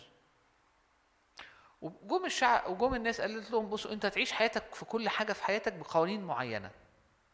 وهتمشي بالقوانين دي لما تعملها تبقى جود وتبقى بلاست وتبقى مبارك. لما ما تعملهاش هتبقى في مشكلة. فكان هنا بيتكلم عن إحدى القوانين اللي هي الأكل والاغتسال والأكل مع بتاع اليهود مع بعض ونعامل إزاي مع الأمم وهكذا. بولس بيشرح بيقول إيه؟ بيقول يا جماعة إحنا اوريدي طول عمرنا عندنا ناموس والناموس كويس لكن الناموس ده ما أكلناش عيش. بمعنى إنه إحنا عندنا مشاكل فالناموس ده ورانا إن إحنا مش عارفين نعيش بالمستوى ده لكن إحنا ما كانش عندنا قوة إن إحنا نتبرر ولا إن إحنا نعيش في مجد وقال إن في الحقيقة اللي حصل عدد 19 أنا مت بالناموس لناموس يعني يسوع لما جه ومات أنا أنا مت معاه فأنا مت عن الناموس. عشان أحيا لله. مع المسيح صلبت. فأحيا لا أنا بل المسيح يحيا فيا. هنا هو بيقول لك هنا هو بيقول إيه؟ إنه الحقيقة عشان أعيش بقدرتي إني أ- وقوانين ملهاش لازمة مش هينفع. مش ده مش ده الإنجيل. أمال إيه الإنجيل؟ الإنجيل إني مع المسيح صلبت. فأنا بتربيتي بأخطائي بنظريتي بكل حاجة فيا بقدراتي الطبيعية مت مع المسيح صلبت دفنا معه. ليه؟ عشان الخليقة القديمة أو الإنسان الطبيعي ما ينفعش معاه يتعدل. كان في فيلم زمان اسمه خليل بعد التعديل. ما أعرفش أكيد ما شفتوهوش لأن ده قديم قوي بس كان دايما مالي إعلانات في الشارع. فزمان كنا وإحنا رايحين المدرسة دايما كان في إعلانين كبار خليل بعد التعديل خليل أنا ما شفتوش برضه. هو محمود عبد العزيز بس أنا ما شفتوش. بس في النهاية إنه حضرتك ما ينفعش تعدل. يعني ما ينفعش تعدل الخليقه ما ينفعش تعدل. فالخليقة في المسيح ماتت. أو عشان يعيش المسيح فيها. مع المسيح أنا صلبت. فالاوبشن الجديد إيه؟ إنه شاول صلب. عشان يعيش شاول أو بولس مش بولس لكن المسيح في بولس. هي دي الخليقة الجديده ال- ال- المولود من الجسد جسد هو. فأنت لو عايش بقدرتك و- و-. مش مش هتجيب. أما لا عي... طب أنا بس أنا عايش بده أمين. بحاول أبقى أمين مع الرب وأمشي صح. الختان لا ينفع. والغلة لا تنفع. طب بص أنا مش عايش بقوانين بس عايش بقلبي. يا رب عارف اللي في القلب وأنا قلبي حلو وما بأذيش حد الغله ما ينفعش الختان ما ينفعش. أمال إيه اللي ينفع؟ الخليقة الجديدة الإيمان إن المسيح يحيا فيا. كل دي آيات هو ربطها ببعض. يا بص هنا هو ربطها قال مت بالناموس للناموس لأحيا لله. ففي حاجة اسمها أحيا لله. هي هي أحيا لله دي معناها إنه مع المسيح صلبت فأحيا لا أنا. أحيا لله يعني أحيا مش أنا. طب امال مين هو اللي يعيش؟ مين اللي يعيش؟ يعني أنا مش عايش مين اللي يعيش؟ المسيح يعيش فيا. ففي الحقيقة أنا مت فهعيش لله. أنا صلبت فالمسيح هيحيا فيا. هعيش إزاي؟ في آخر الرسالة بيقول لك غالبا أنا إنه هتعيش بالخليقة الجديدة هتعيش بالإيمان. بحيا لله الحياة بالإيمان الحياة بالنعمة الحياة بالروح الحياة بالخليقة الجديدة دول كلهم نفس الحاجة. أنا كنت هكمل معاكم في غلطيا بس حاسس أنتوا هتناموا مني. فأنا لو فضلت مكمل في غلطيا أنتوا هتناموا. فأنا مش هكمل في غلطيا أنا هقولها من غير ما نقراها كلها. بيحصل إيه في غلطيا بعد كده بيحصل إنه بيبتدي يشرح لهم إنه مفيش حل مفيش أمل مفيش حاجة بتجيب بتجيب ثمر مفيش حاجة بتجيب نجاح غير الخليقة الجديدة. وبيديهم مثال إنه هاجر اللي هي رمز للناموس أو رمز اني بعمل حاجة بقدرتي أو رمز إن إبراهيم يقدر يخلف فشاف المشكلة فراح اتجوز واحدة تانية وجابوا عيال ما بيأكلش عيش. طب مين اللي بيأكل عيش يا ابني؟ ان إن سارة إبراهيم ياخد كلمة من الرب الرب يستقبلها الرب يشتغل جواه فيديله قدرة ما كانتش عنده فيجيب ابن الموعد ويشوف حاجات تانية خالص. فلما بقول إيه آه أنا عايش بالإيمان مش معناها إن أنا قابل امنت آمنت بيسوع فأنا آمنت بيسوع وبحبه وبعض لا عايش بالإيمان معناها إن أنا خلاص إن أنا اتولدت من فوق فبعيش بالإيمان بالروح لله المسيح فيا. يعني إيه؟ يعني في خليقة جديدة جوايا فأنا عايش بستقبل من الرب بستقبل من الرب بقدرات السماء بسمع وبتحرك بده. هي دي معناها معنى الخليقة الجديدة. طب وأنا القديم بيموت مات. وكل يوم بختار في حياتي اليومية إني ما اعيش زي ما أنا كنت متعود وما اعتمدش على دراعي لكن اعتمد على الروح. في نفس الرسالة في, في نفس الرسالة بيقول لهم إيه؟ يبتدي يتكلم عن لأن ثمر الروح هو ويشرح ثمر الروح. خلي بالك قال ثمر كأنها شجرة. هي بتاكل من الرب وبتشرب من حضوره فما بتعملش مجهود. يعني شجرة الجوافه ما بتحزقش. عشان تطلع جوافة. هي الجوافه بتطلع عادي. صح ولا لأ. فهو ليه قال ثمر؟ لأنه الثمر ليه اختار كلمة ثمر؟ لأنه في نفس الجملة في نفس الجملة قال ثمر الروح وقال أعمال الجسد. لما جه عند الروح ما جابش ما قالش أعمال الروح قال ثمر الروح. عايز يحاول يقول لهم كأنها شجرة يا جماعة بتطلع بتاكل من الأرض بتشرب منها بتاخد من الشمس فبتطلع من غير مجهود. ناتج حياة. ثمر الروح وقعد يشرح لهم. فرح سلام بر قعد يشرح. أعمال أو أمور بتطلع في حياتك اقراها هتقول أنا عايز من ده. بص أنا هحاول أعمله ما يتعملش. طب أما أما الثمر الرؤيا أسلك إزاي؟ عشان يعني إذا كان هو قبلها بيقول لك اسلكوا بالروح فلا تكملوا شهوة الجسد. طب أنا عايز أسلك بالروح. أه ما بت- بتسلكها بإنك أنت بتقعد فبتحصل جواك. بتختار إنك إنك تحط نفسك في حتة معينة لأنه في الآخر بيطلع ثمر مش مجهود. طب والجسد؟ لا الجسد ده سهل. أعمال الجسد. أول ما تبتدي تتحرك بيطلع أعمال. حسد خصام غيرة أمور بقى بالهبل. هو كاتب بعضها. تقول لي يعني يقول لك حاجة بسيطة قوي أنا ماشي جون بيعدي بوقت صعب. فأنا رحت وقفت جنبه. وساعدته ومش عارف إيه. بعديها بأربع خمس أشهر ماشي كنت عايز حاجة من جون. بقول لك يا جون بس بعد إذنك ممكن تعدي جنبك في الهرم في شارع الهرم في محل بس بيبيع مش عارف ورق مناديل عايز عايز ست بكرات آه، بامبا فجوني راح قال لي لا بص أنا مش نافعني خالص معلش. طب طب لو بكرة لا برضه بكرة مزنوق شديد مزنوق قوي الأيام دي. أنا already خدمته بدراعي. فأول ما يعمل كده أنا أحس بإيه؟ يا ابن الذين خسارة فيك اللي أنا عملته معاك. بص بص بص بص بص الناس بص الناس يا لهوي. أنت حس لأن أنت اديت من نفسك. فاول فيطلع بقى الغيرة بقى. تبتدي بقى يطلع بقى غيظ وغيرة و... يبقى في وقت صعب. فأنت مضغوط فيطلع عصبية. دي حاجة سهلة أنا بتحصل مع يعني دي بتحصل معاك. في أوقات الصعبة بشيل حاجة على دراعي ف... فبضغط ببقى عصبي. إحنا نقول إيه؟ okay أصل هو عصبي okay. لا مش okay. هو أنت عصبي عشان أنت بتعمل حاجة بإيدك. أما الظروف صعبة. أما أنت لازم أنت بس أنت حو... عارفين آه، حاجات بتحو عارفين آه، كان كان زمان في في حاجات تحولها. يعني مثلا عربية ينفع تبقى لع- لعبة ممكن تبقى أوتوماتيك وممكن تحولها بالدراع manual فأنت لو أنت كتير إحنا في وقت صعب نروح محولين ال mode manual اتحكم أنا في كل حاجة. فساعتها بتلاقي نفسك آه بتعمل الحاجة بس معاها في مرارة معاها في تعب معاها في خصام معاها فيها معاها فيها معاها. وبتحس طبيعي يا جماعة ما- مضغوط يعني في إيه؟ ما تقدروا. ماشي بس انت عايش عادي زي الناس يعني مضغوط. بالظبط انت زي الناس. انت زي الناس وتحت العالم الحاضر الشرير والدنيا ريحتها معفنة وهتعفن أكتر والبيت كله هيبقى ريحته معفنة لأن حضرتك شغال بدراعك. طب إيه الحل؟ أوقات صعبة. بقعد قدام الرب أكتر فبستقبل أكتر. ما بديش فلما أحس إن أنا أنا عصبي بس عادي لا أنت عصبي وده مش عادي لازم تتوب عليه. أنا بقالي أربع أيام عصبي. عندنا ظروف صعبة وأنا لما جون كلمني أنا المرة اللي فاتت لما جيت مش من بدري كان في الاجتماع اتكلمت على الخليقة الجديدة. وربنا كان عمال يكلمني على الخليقة الجديدة وبيكلمني عن ال- ال- الدهن والرائحة وبعدين ال- عندنا زوبعة زوبعة ظروف زوبعة مش زوبعة ظروف. فأنا عصبي طبعا.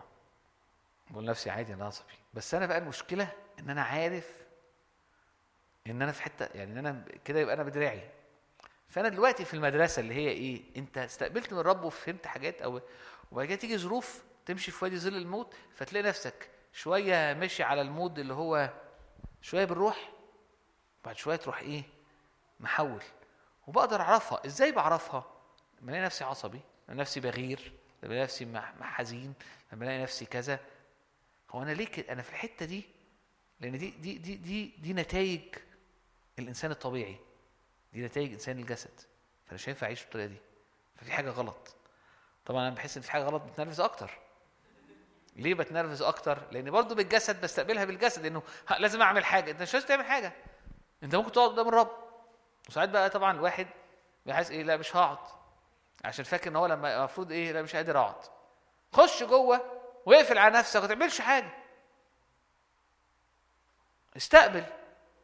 صعب. آه ما هو ده الصعب. أصعب حاجة على الإنسان على الجسد إنه يبقى ساكت. يعني يقول لك الفلاش الطبيعة القديمة أصعب حاجة إنها تبقى ساكتة. دايما عايز تعمل حاجة دايما عايز تظهر. فهي فلما أقول لك أنت مش محتاج تعمل حاجة. لا ما ده مميت بقى. ما اعملش حاجة أنت كده تموتني. ويقول لك دايما الناس ال- ال- اللي عايزة توين طول الوقت بزيادة هي بتبقى دايما عايزة توين غالبا عشان في حاجة جوه مش عايز تسمعها. مش حاجات روحية حتى نفسيا. فهو عايز يوين يقول لك أصل أنا لو هديت مع الدنيا عندي لو هديت هتعب. لو الشخص لازم يهدى. فمحضر الرب طبعا. لكن لازم يهدى. لأن هو هو الموتور هيتحرق ومش هيبقى يعني في حاجة غلط. لما انت لما أنت في المدر... لما أنت في الجامعة هخش يعني على الجزء العملي لما أنت في الجامعة ممكن تكون عندك مشكلة في المذاكرة. مش بحب المذاكرة. أه؟ بتخنق. أه؟ طب ده عادي. لا ده مش عادي. أنا بقول لك ده مش عادي وده كنت أنا. فأنا بديك مثال إيه؟ ده مش عادي. طب ما أنا بح... يعني مش مش ده بحب أعمل حاجة تانية. آه بس أنت اتعودت إنك تعمل إن مزاجك هو اللي يحركك و... تركيبة ما عنديش وقت إن أقعد أشرحها لكن في النهاية في الخليقة الجديدة بالروح ينفع تستمتع وأنت أو تبقى أوكي وأنت بتذاكر وتنجح وتبقى حاجة تانية خالص.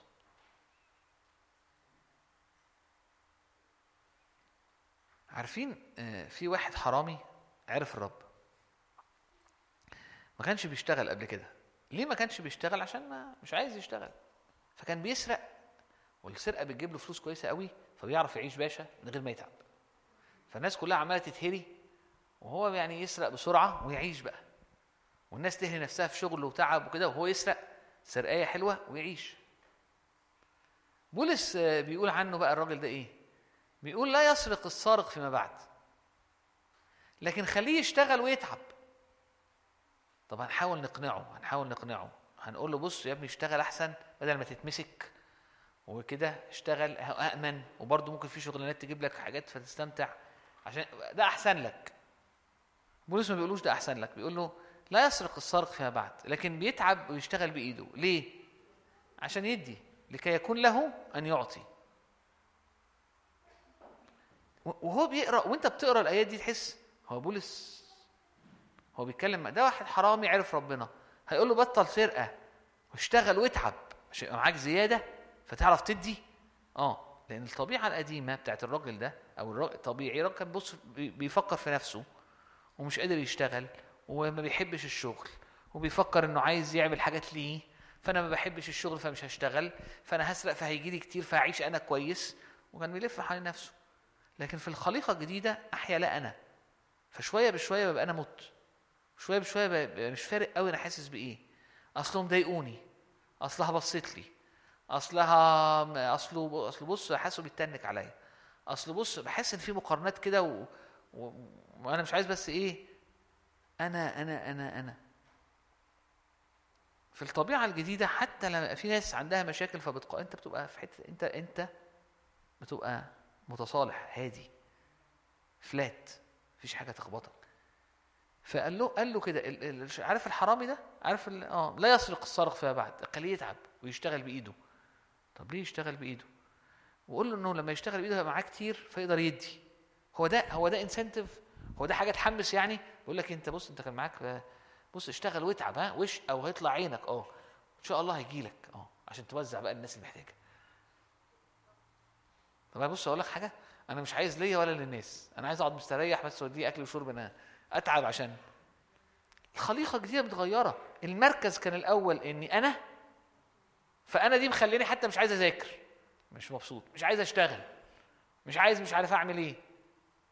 الخليقة الجديدة الدنيا مختلفة. أنا الحاجات المتعبة باخدها بسهولة. والإنسنتيف بيبقى العطاء إن أنا هدي فأنا مش موجود خالص. وده اللي الرب عايزك تعيشه. لما هتعيش كده هتنجح. أعرف ناس مع عيالها حتى. حتى مع الناس أكتر بيموتوا في عيالهم. بس هو بيفكر في نفسه وإن ده ابنه. فهو بيعامل بنته أو بيعامل ابنه أو بيعامل حفيدته انها دي بنتي وحفيدتي فأنا بحبها فأنا هعمل لها وأنا مضايقني وأنا اتضايقت من الحاجة الفلانية وأنا عايزه. ففي الآخر العيال كفراها وطالع عينيها ومعقدة. عشان هو ده مش حب ده. هو في مشاعر وفي بس ده في الآخر مركزه أنا. ما أعرفش أنتوا شفتوا أهل من النوع ده ولا لأ بس يعني يعني أنا أعرف أهل أنا شفت ناس كده يعني في في الطبيعي يعني دايما العالم في الطبيعي ده الحب الطبيعي ده مش حب ربنا بس ده موجود. بس في extremes لما بتشوف ال extreme لما بتشوف بتقول آه لأ ده لأ ده حالة بص ده ده, ده, ده times 100 ده level الوحش. ده level الوحش. في ناس level الوحش. تقدر تشوف بقى إن كل حاجة عن طريقه. هو بيديك عشان أنت صاحبه. ماشي؟ أنا هحبك عشان أنت ابني. فهو كل حاجة بتلف عليا. فدي مميتة. وأنت لو عشت حياتك بالطبيعة القديمة هتعيش لنفسك أو بنفسك. فتعيش عيشة مميتة ريحتها وحشة. ممكن تنجح في حتة بس هتبص في حاجات تانية. وهتلف وتقول هي العيشة وحشة ليه؟ هي الدنيا صعبة ليه؟ لأنه العالم الحاضر شرير وأنت حضرتك لما بتشتغل بإيدك ريحتك وحشة. بتعرق. اللي معروض ليك إنك تعيش بالروح إنك تعيش لله أو بالله إنك أحيا لا أنا بل المسيح يحيا فيا. كل الآيات اللي قالها في غلاطيا دي. معناها إيه؟ قالها كان بيقول لهم إيه؟ ما تعيش حاطط rules وتحاول تعملها.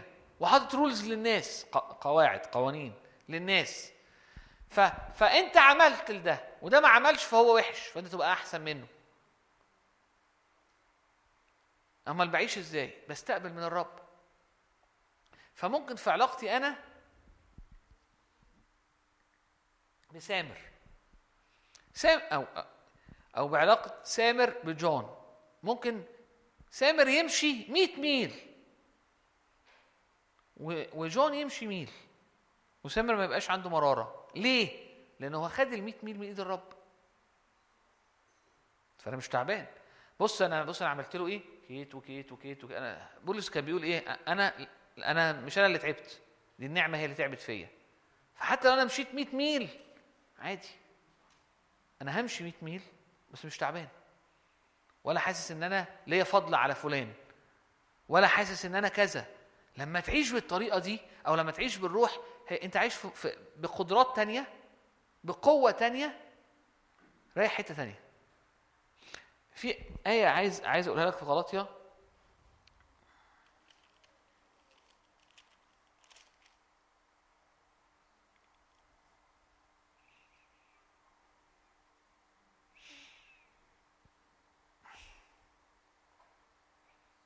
بص على إصحاح ثلاثة بيقول لهم إيه؟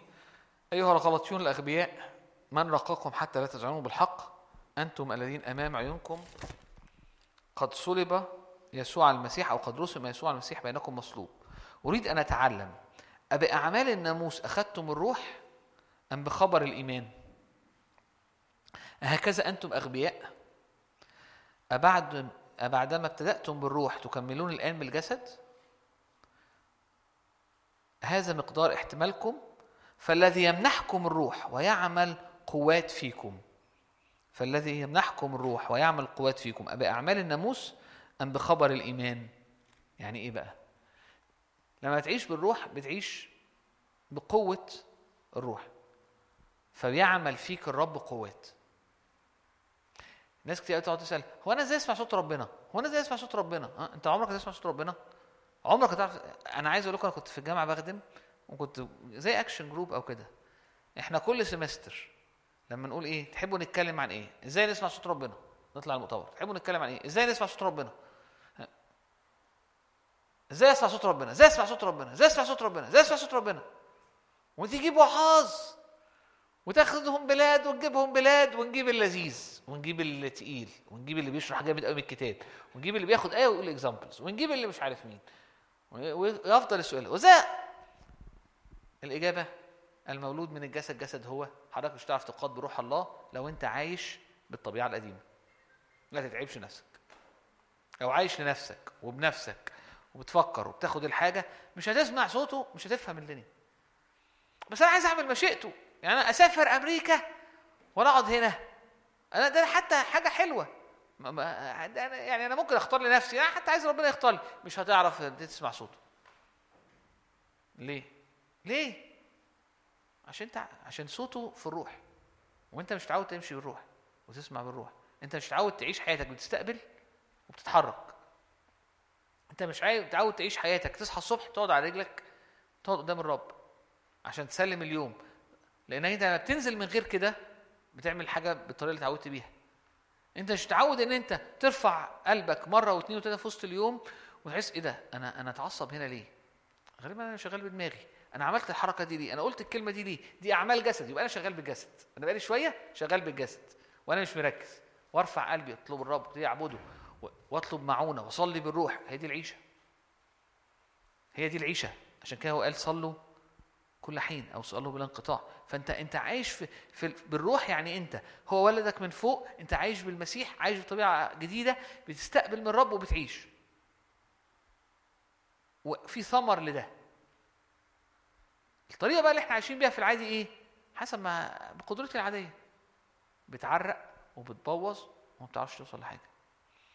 في غلطيا قال لهم كده لا الختان ينفع ولا الغرلة ينفع مفيش حاجة تنفع بل الخليقة الجديدة.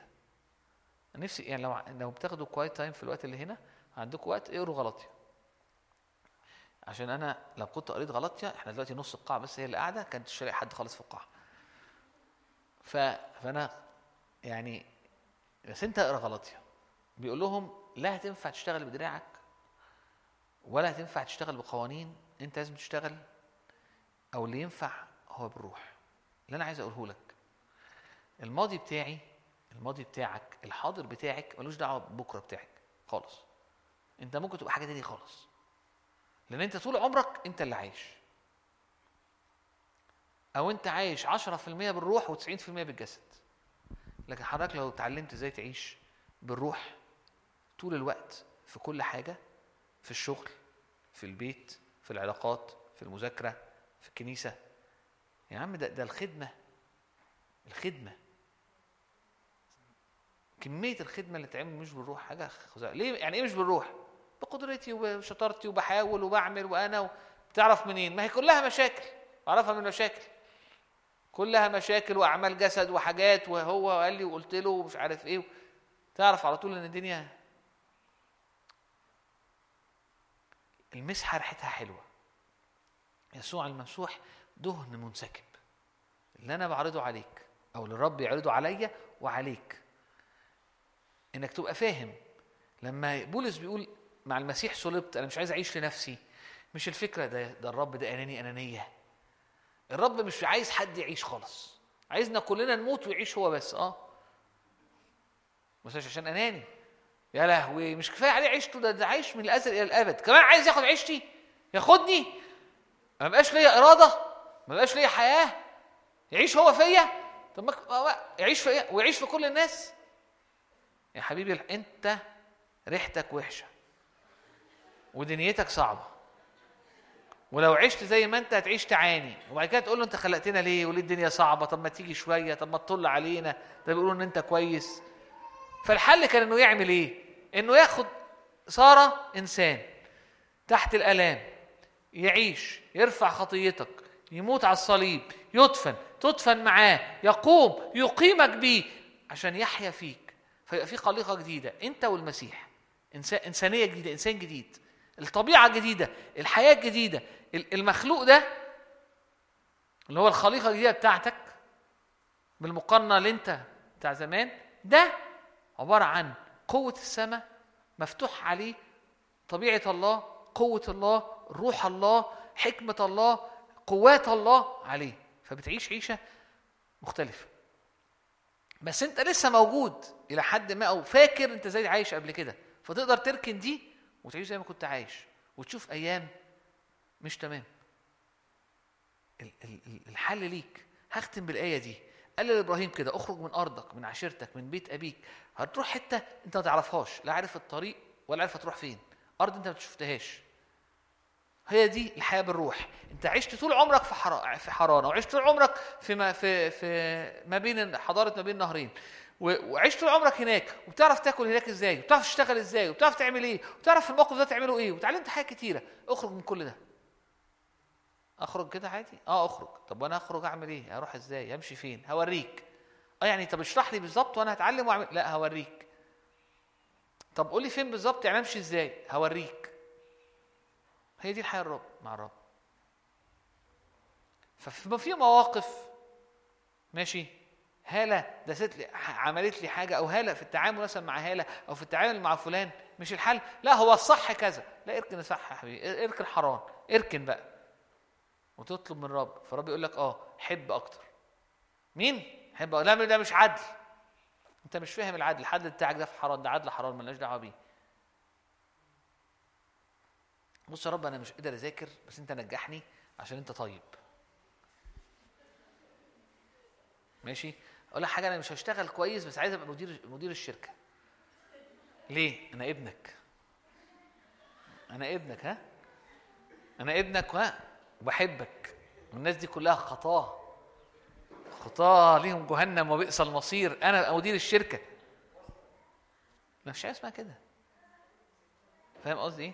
أنا عايز أعطي وعايز أدي وعايز أخدم وعايز أغسل أقدام الناس وعايز أذاكر عشان عشان عشاني وعشان البشرية وعشان الناس وعشان أنا واسع. أنا مليان عطاء. مش مش بركز في, في, في إني آخد. ساعتها هحب نفسي حتى بطريقة تانية. أنا أنا طولت عليكم. فعلا أنا عارف. أنا بزهق قوي من من الناس اللي بتطول.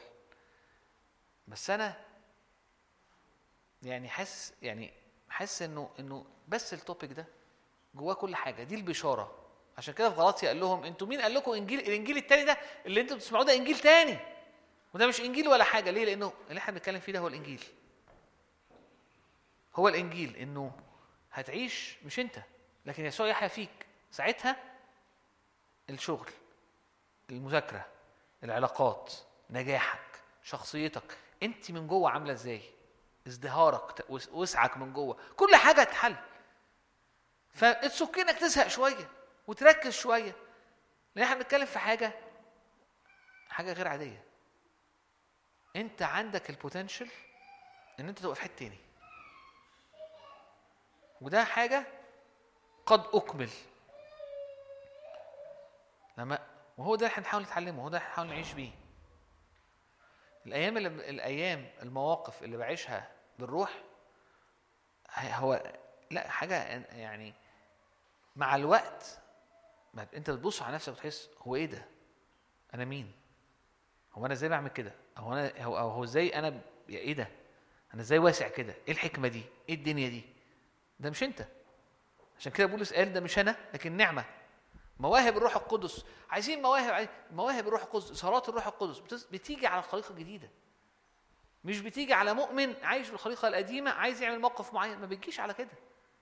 فبتلاقي انت متشال على أجنحة النسور. معاك عارفين العربيات الجديدة دلوقتي؟ كلها يقول لك تربو.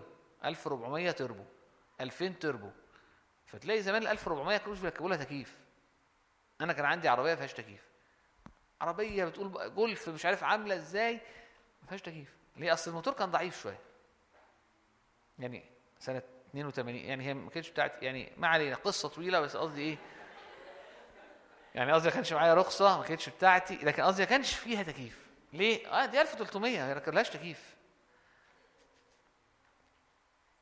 النهارده 800 CC فيها تكييف. الموتور مختلف. الدنيا مختلفة. حضرتك متركب لك تربوهات اللي هي مواهب الروح القدس لما بتكون في الروح. وحضرتك من. لما بتكون في الجسد زيك زي أي حد. يا أخي ده حتى الوعظات اللي في الجسد ده أنا بحضر اجتماعات بأمانة. أنا بوعظ ساعات. في نص الوعظ أقول هو إيه اللي حاصل؟ أنا بعمل إيه؟ لأني بيجي في حتة ببتدي اعيش بقى بإيه يعني.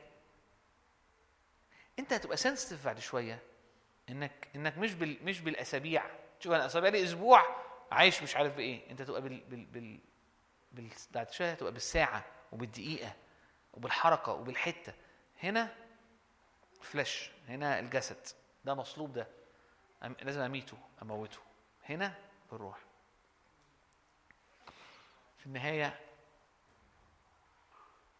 حاجة بقى positive كده. أنا جاي أقول لك إن أنت حياتك ينفع يبقى تبقى مليانة مجد في كل حتة. وجوازك ومذاكرتك وشغلك ودنيتك ومستقبلك أحسن بكتير من عيشتك وعيشة آه، الناس اللي تعرفها وعيشة أهلك وعيشة كل الناس دي. إزاي؟ إزاي؟ اولا حتى لو أهلك مؤمنين فإحنا من مجد المجد. فلو هم عايشين في الروح قراط رب دعيك إن أنت تعيش في الروح قراطين وخمسة. النور عمال يتزايد في الأرض أو في وسطنا. فأنت مدعو لنور أعلى. فأنت أكثر جدا مما تطلب أو تفتكر الرب قادر أن يفعل. طب اعمل بقى. هو عمل في الخليقة الجديدة. فلو عشت بالخليقة الجديدة هتختبر أكتر جدا مما يطلب أو يفتكر في كل ال- الدوائر. والخليقه الجديدة دي بتعيش وانت داخل وانت صاحي وانت نايم وانت بتتكلم في التليفون جوه الحمام. يعني قصدي أقول إيه ما تقوليش إيه الخليقه الجديدة أصل الاجتماع هي الخليقه الجديدة يعني إيه يعني يعني في كل ثانية. فمفيش حاجة اسمها أصل بص ده موضوع ملوش دعوة بالخليقه الجديدة أنا خلقت في الشارع. لا أصل بص ده موضوع تاني خالص ملوش أي دعوة إحنا بنتكلم هنا على تصليح العربية. بص أصل الموضوع ده ليه دعوة معلش أصل ده شغل بنات بقى مع بعض معلش يركن بس الدنيا. ف هي مفيش حتة مفيش ثانية مفيش لحظة مفيش موضوع انت مدعو انك تعيشه عادي. ليه؟ لأن حضرتك المفروض إنك مت وأي حاجة هتعملها بطبيعتك القديمة ماشي هتبقى ريحتها مكمكمة ومعفنة وهتعرق وهتعمل مشكلة. ولو فلتت مرة مش هتفلت تاني مرة. إيه رأيك؟ زي ما بقول لك أمين؟ أمين؟ ارفع قلبك معايا. السادة ال- العازفين ولا ممكن يطلعوا لي. ارفع ارفع قلبك معايا. بمناسبة بمناسبة التسبيح بمناسبة الاجتماعات اجتماع بقى في حضور بقى وفي ناس. فاللي جنبي فارد وساحب. فأنا أحس إيه؟ أنا مش ساحب زيه ليه؟ أنا مش حاسس بحاجة. فافصل خالص. جسد على طول. اقعد استقبل. مش حاسس بحاجة مش مهم. بس الرب هيشتغل آه أصل أنا مش حاسس بانفعال زي اللي جنبي. يبقى الرب ما جاش عليا جل على اللي جنبي. خليقة جديدة دايما بتستقبل الرب. حتى في الاجتماع حتى في الاجتماع. بص اللي جنبي حصل معاه حاجات حسه في الاجتماع سخن فده أحبطني. ليه؟ ده أحبطني. تنصحني بإيه؟ أنصحك تموت. أموت إزاي يعني؟ مع المسيح صلبت فأحيا لا أنا بل المسيح يحيا فيا. أصل أنا اتضايقت شوية. مفيش مشكلة. أعمل إيه مع نفسي؟ أقول لها طز فيكي. أقول لنفسي طز فيها؟ آه. ليه؟ لأن لو عشت بنفسك ولنفسك الدنيا تبقى ريحتها وحشة. أنت مدعو تعيش برائحة المسيح الزكية. هقرأ لك الآيات اللي ابتديت بيها عشان نختم بيها. نشيد الأنشاد. اسمك دهن مهراق. اسمك يا رب دهن مهراق. اسمك يا رب مسحة منسكبة ريحتها روعة. انت مسيحي. يعني المسحة منسكبة عليك. ففي ريحة حلوة. لو عشت بالمسحة لو عشت بانسكاب الروح في كل دايرة من دوائر حياتك هتعيش يسوع بريحة رائعة في كل حتة في حياتك. يسوع قال كده لأعطيه أو أو الكتاب بيقول كده عن الرب لأعطيهم أيام السماء على الأرض. طب يا رب أنا عايز أيام السماء على الأرض. المسيح فيك رجاء المجد. المسيح فيك رجاء المجد. المسيح فيكي رجاء المجد. المسيح فيا رجاء المجد. مع المسيح صلبت فأحيا لا أنا بل المسيح يحيا فيا. بولس لما قالوا له ما مش رسول ما بتعملش حاجة قال لهم أنا تعبت أكتر من كل الناس دي. بعد كده أحسن يفهموا غلط قال لهم بس عشان ما يفهموش غلط. آه أنا تعبت وسافرت وعملت أكتر بكتير بس عشان تفتكروا إن ده أصل بولس عالمي. لا ده مش أنا دي النعمة اللي فيا. ها يا بولس ما تتواضعش قوي كده أهو. نعمه إيه النعمة اللي في خليقة جديدة. لا أنا بالمسيح هو ده اللي تعب هو ده اللي عمل. أنا تفعلت أنا اخترت أنا مشيت بالروح. لكن لا أنا بالمسيح. في الحق دي حقيقة.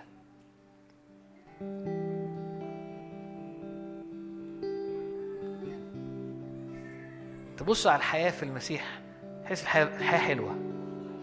ليه حلوة؟ لأنك تعيش بقوة الله على الأرض وبشخص الله على الأرض. حياتك تبقى مختلفة نظرتك مختلفة أنت نفسك مش محبوس في نفسك. بالنسبة لي دي حاجة حلوة أنا مش عايز أتزنق في نفسي أنا عارف قدراتي وعارف مشاكلي أنا مش عايز أتزنق لو أنا هتزنق فيا فأنا في مشكلة. أنا مش عايز أتزنق فيا. أنا مش عارف أتزنق في نفسي أنا مش عارف يعني مش بقول لك حاجات كبيرة خسان مش عارف اخس مش في حاجات كتير مش عارف أعملها. في حاجات كتير بتعبني بس أنا مش مزنوق فيا. أنا بتعلم إزاي أعيش. لا أنا بل المسيح. ودي مش نرجسية من الرب. ده فداء وحب عشان نختبر أيام السماء على الأرض.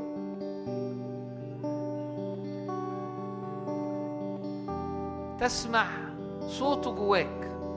بيقول لك أنت بتاعي. ويقول لك تتحرك إزاي. والصوت ده هو اللي يقودك وهو اللي تعيش بيه.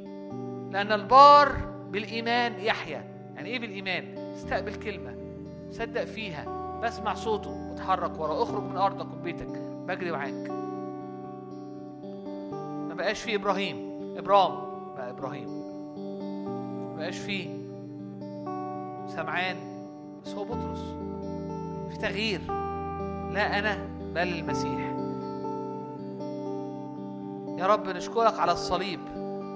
أما لي فحاشا لي أن أفتخر إلا بصليب رب يسوع المسيح الذي به قد صلب العالم ليا وأنا للعالم. لا أنا بل المسيح يحيا فيا. دينا نعيش يا رب كل يوم. يا رب الروح القدس بالروح اللي جوانا بالخليقة الجديدة. يحيا الله فيا المسيح فيكم. علمنا طرقك عرفنا سبلك. ادينا أذان للسمع. يوقظ لي كل يوم أذان للسمع. عيناك ترى أذناك تسمع دي نعيش بالروح فلنكمل يا رب شهوة وأفكار الجسد. يا رب نشكرك لأنه توجد نجاة لأنه يوجد خلاص لأنه مكتوب إنه إنه بذل نفسه لأجل خطايانا لينقذنا من عالم الحاضر الشرير. كما أن قدرته الإلهية وهبت لينا كل ما هو للحياة بمعرفة اللي دعانا بالمجد والفضيلة.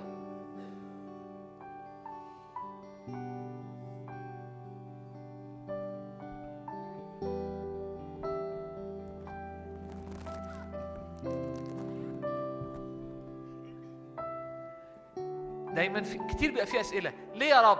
أنا عايز أقول لك حاجة. السؤال أساسا لو حطيته لو دخلت العيشة بالروح السؤال نفسه حتى لو ما عندكش إجابته هيروح. هي- هي- هيبقى في حتة تاني. كل حاجة تتغير في الروح. كل حاجة تتغير في عيشة بالروح. كل حاجة تتغير. انت محتاج تاخد قرار. انت محتاج تاخدي قرار النهارده. انت محتاج تقول تفكر. مع بص أنا بقالي سنين عايش معظم الوقت بقدرتي. ملعون من اتكل على ذراع بشر. لو اتكلت على نفسك على قدراتك على تربيتك على هتعيش. تحصد قدرتك. فتبقى تحت لعنة لأن قدرتك قليلة. انك اللي جاي أصعب. لكن في الرب بيحملك على أجنحة النسور بتعيش بقوة الروح الذي يعمل معكم ويمنحكم الروح ويعمل قوات فيكم. دي الخليقة الجديدة. المنارة والمواهب وإظهارات الروح القدس دي الخليقة الجديدة. المسحة القوة رائحة المسيح دي الخليقة الجديدة. الحب اللي يقدر يبذل وما يتعبش دي الخليقة الجديدة. الحكمة القوة. إني إني إني إني أبقى في السجن وبرنم والأص... و... و... وعادي دي الخليقة الجديدة. إني وأنا هناك ال... الأبواب تتفتح دي الخليقة الجديدة. إني إني أنا أبقى في السجن والناس بره بتوعظ. كناية فيا؟ هو قال أنا اتسجنت. فناس عاملين نفسهم مؤمنين. بيوعظوا؟ مش عشان هم نفسهم يوعظوا بس عشان بس إيه؟ يغطوا عليا وهم عندهم دوافع وحش طب وأنت متضايق؟ بالأمانة أنا مبسوط جدا. ليه؟ عشان اسم الرب. انت بني آدم أنا مش بني آدم. مع المسيح صلبت أحيا لا أنا. دي الخليقة الجديدة. المسيح فيكم المسيح فينا المسيح فيا. رجاء المجد. ما تدورش على مجد في حتة تاني مش هتلاقيه. وهتتعثر في الرب. المسيح فيك. رجاء المجد. الحياة بالطبيعة الجديدة. الحياة بالروح. ال- ال- الحياة بالإيمان. الحياة بالنعمة. هي دي المجد. كل حاجة تانية أبار مشققة. لا تعطي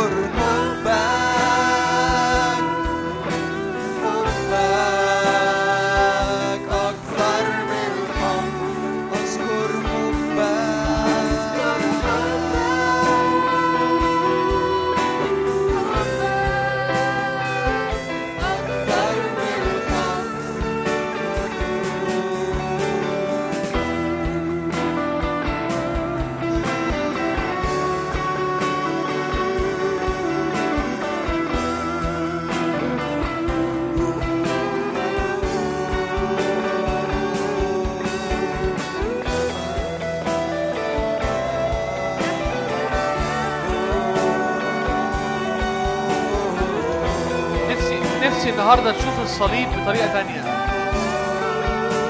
نفسي النهارده تشوف الصليب بطريقة تانية. الصليب هو خلاصك صليب يسوع مات على الصليب وانت مت معاه. يسوع مات على الصليب وانت مت معاه. لأحيا لا أنا بل المسيح يحيا فيا. النهارده قرار أو بداية جديدة مستوى تاني. لو انت تقول أنا أنا بعيش في الروح مستوى جديد. لاصرار إني أعيش في الروح ولا أكمل شهوة الجسد. الصليب كل ما بشوف الصليب بشوف شادي على الصليب. أنا دفنت مش لازم أعيش. مش لازم أعيش بقدراتي مش لازم أعيش لنفسي مش لازم أعيش ب- بأحشائي العادية مش لازم أعيش بطبيعة قديمة. أنا بفتخر بالصليب أنا ب- بفرح بالصليب لأنه يسوع مات وخدني معاه هناك. وخدني معاه هناك ليقيمني معاه خليقة جديدة. المولود من الجسد جسد هو. أما المولود من الروح أما المولود من الروح هو روح. هو روح.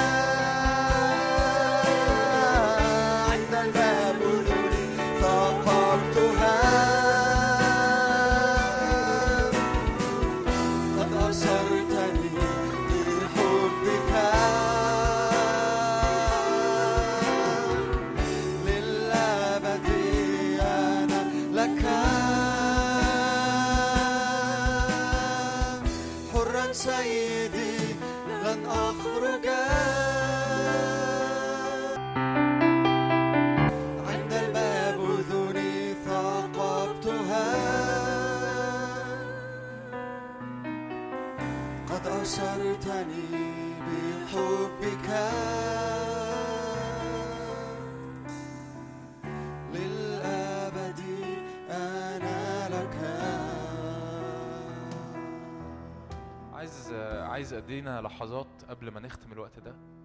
استقبل من المحبة النازلة. استقبل من الدهنة النازلة. ممكن تكون مش فاهم يعني إيه استقبل. ببساطة تعالوا نقعد. اقعد. اقعد مكانك. تعالوا نقعد كلنا. غمض عينك. غمض عينك. مد إيدك قدامك. ببساطة. وانت مدرك إن وانت قاعد يسوع قاعد قدامك. أنا بحاول أترجم لك بأبسط الصور يعني استقبل. انت انت مش قاعد في الاجتماع دلوقتي. غمض عينك كده واسمع صوتي كده بمنتهى الهدوء. انت مش قاعد في الاجتماع. انت قاعد انت قاعدة قدام يسوع. ويسوع بيقول لك أنا بحبك. يسوع بيقول لك أنا بحبك. يسوع بيقول لك أنا جاي أعيش فيك. أنا عايز أعيش فيك. ما تتكلش على نفسك أكتر من اللازم.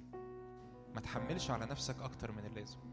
ما تعيش بنفسك وبإمكانياتك وبإمكانياتك أكتر من اللازم. مش هتعرفي. أنا جاي عايز أعمل معجزة. ده اللي الرب عايز يعمله في المؤتمر ده. أنا جايز عايز أعمل معجزة إني أعيش فيك. أنا جايز عاي- عايز أعمل معجزة إني أعيش فيكي إني أسكن فيك إني أخرج منك إني أخرج من ردود أفعالك وأخرج من كلامك وأخرج من أفكارك. أنا عايز أغرقك محبة. أنا عايز أغرقك محبة. تقدر ببساطة ومنتهى ال- السلام ومنتهى الثقة تشوف إن يسوع بيحضنك لأن هو فعلا بيحضننا ينفع تشوف كده وانت مغمض عينك تشوف ان يسوع بيحضنك بياخدك في حضنه بيضمك بيضمك تجاه صدره بيحضنك بيلف دراعاته حواليك بيحط دراعاته حواليك. بيكلم كلمات محبة وكلمات قبول وكلمات سلام. هللويا. يا رب ما أحلى حضورك لينا ما أغلى حضورك لينا ما أغلى الكلمات المشبعة لحياتنا. علمنا نستريح في حضورك علمنا نستريح تحت إيدك الممدودة علمنا نستريح في محبتك لأن ملناش مكان تاني يحفظنا ملناش مكان تاني يشبعنا.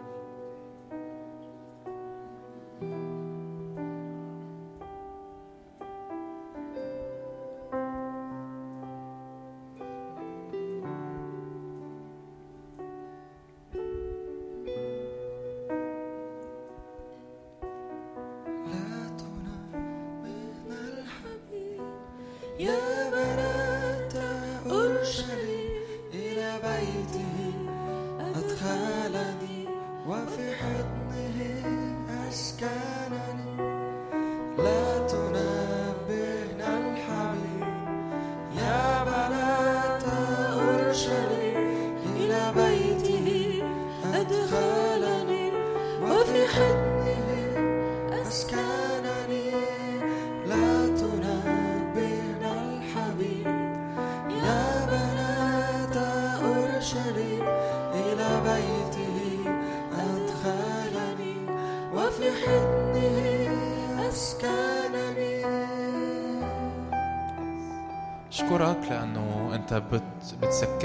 حضنك.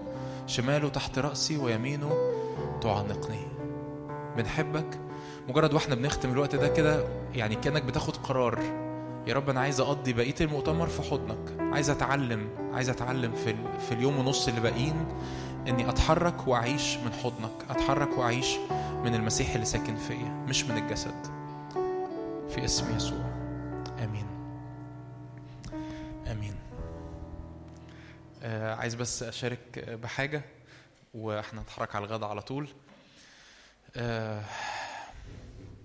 أهلا بكل الناس اللي لسه ما لحقناش نسلم عليهم اللي جم النهارده الصبح في ناس أنا ما سلمتش عليها.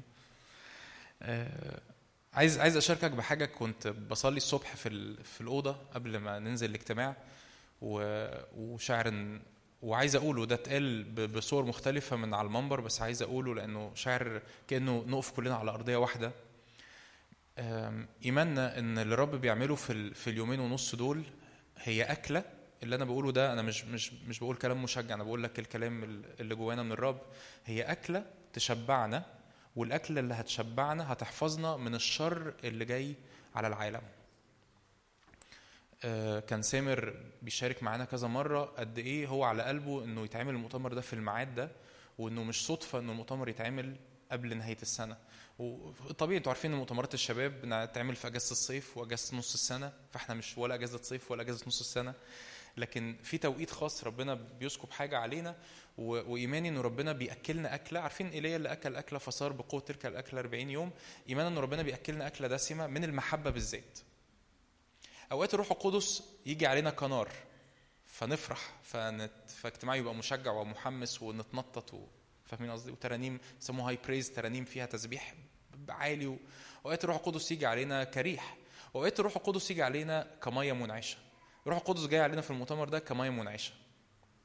لما الرب يعد لينا وليمة لما تروح عزومة حد هنا راح عزومة قبل كده أو فرح أو open buffet أنت بتختارش اللي موجود في الوليمة. صح؟ ما بتختارش إيه اللي موجود. أنت بتاكل كله كل ما يقدم لكم. فأنا عايز أشجعنا كلنا إن ناكل من كل حاجة بتتقدم. ال ال إحدى إحدى مظاهر صوت الجسد جوانا إن أنا ما بقاش قادر أقعد على بعض في الاجتماع. أروح مطلع الموبايل أروح طالع أجيب كيس شيبسي أقعد في الاجتماع. آه، آه، الخروج والدخول. الخروج والدخول الكتير ال- آه، عايز أتكلم مع اللي جنبي حاسس إن أنا فصلت. كل ده أوكي كل ده ليه أبعاد. ممكن يكون ليه علاقة بالسن ممكن يكون ليه علاقة إن إحنا مش متعودين ممكن يكون ليه علاقة بإنه اللي بيتقدم غريب. وخصوصا إنه امبارح والنهارده قوي مفيش حاجة اللي هو إيه طب أعمل إيه؟ وإحنا كل اللي بنحاول نقوله ما تعملش حاجة. صح فاهمين قصدي؟ قول لي قول لي بس أعمل إيه؟ أنا هقول لك ما تعملش حاجة. إحنا مش عايزينك تعمل حاجة والرب مش عايزك تعمل حاجة. فأنا عايز أشجعنا بكل ما فينا كل من الوليمة لأن في أنا أنا مستمتع جدا بالحضور بتاع ربنا في الاجتماعات. فكل من الوليمة اللي متقدمة ما تبقاش متس... يعني أوقات إحنا متسستمين يعني أنا متسستم إنه لازم أرنم بالطريقة دي أو أعبد بالطريقة دي أو رب حضور ربنا يبقى شكله كذا. كل من الوليمة اللي متقدمة قدامك اشبع منها. آه، إيماني إن إحنا هنخرج كلنا من المؤتمر ده إن ربنا عايز يطلعنا كلنا من المؤتمر ده بنتعلم إزاي نتمشى مع يسوع. شادي أنا ما قلتش لشادي يقول إيه أنا اديت عنوان لشادي بس أكيد واخد ال- اللي كان صح يعني في الاجتماع اللي كان مركز في حاجات كتير قوي. شادي قالها النهارده مرتبطة باللي اتقالت امبارح. ف... فايماني إنه ربنا يخرجنا من المؤتمر ده بنتمشى كلنا مع يسوع. ف... ف... فبقيت بقى المؤتمر وإحنا رايحين نتغدى وإحنا رايحين ناكل وإحنا رايحين بنلعب وإحنا بنعمل أي حاجة خلي دايما في قلبك كده صلاة مليانة تسليم. وحط نفسك في موقع كده أنا بستقبل منك يا رب حضن بستقبل محبة بستقبل شبع. ايا كان الوليمة شكلها إيه أنا هاكل لأن أنا معزوم على وليمة الملك بيعزمك على وليمة فأنا هحط نفسي في مكان الوليمة وهاكل وهشرب وهدي كل تركيزي وهدي كل اهتمامي. لأنه في حاجة رب في حاجة رائعة من المحبة ومن السلام ومن الشبع ومن الارتواء ربنا بيسكبها علينا. فما تفوتش ما تفوتش دبوس فرخة ما. ما تفوتش رزاية تقع منك من غير ما تاكلها. امين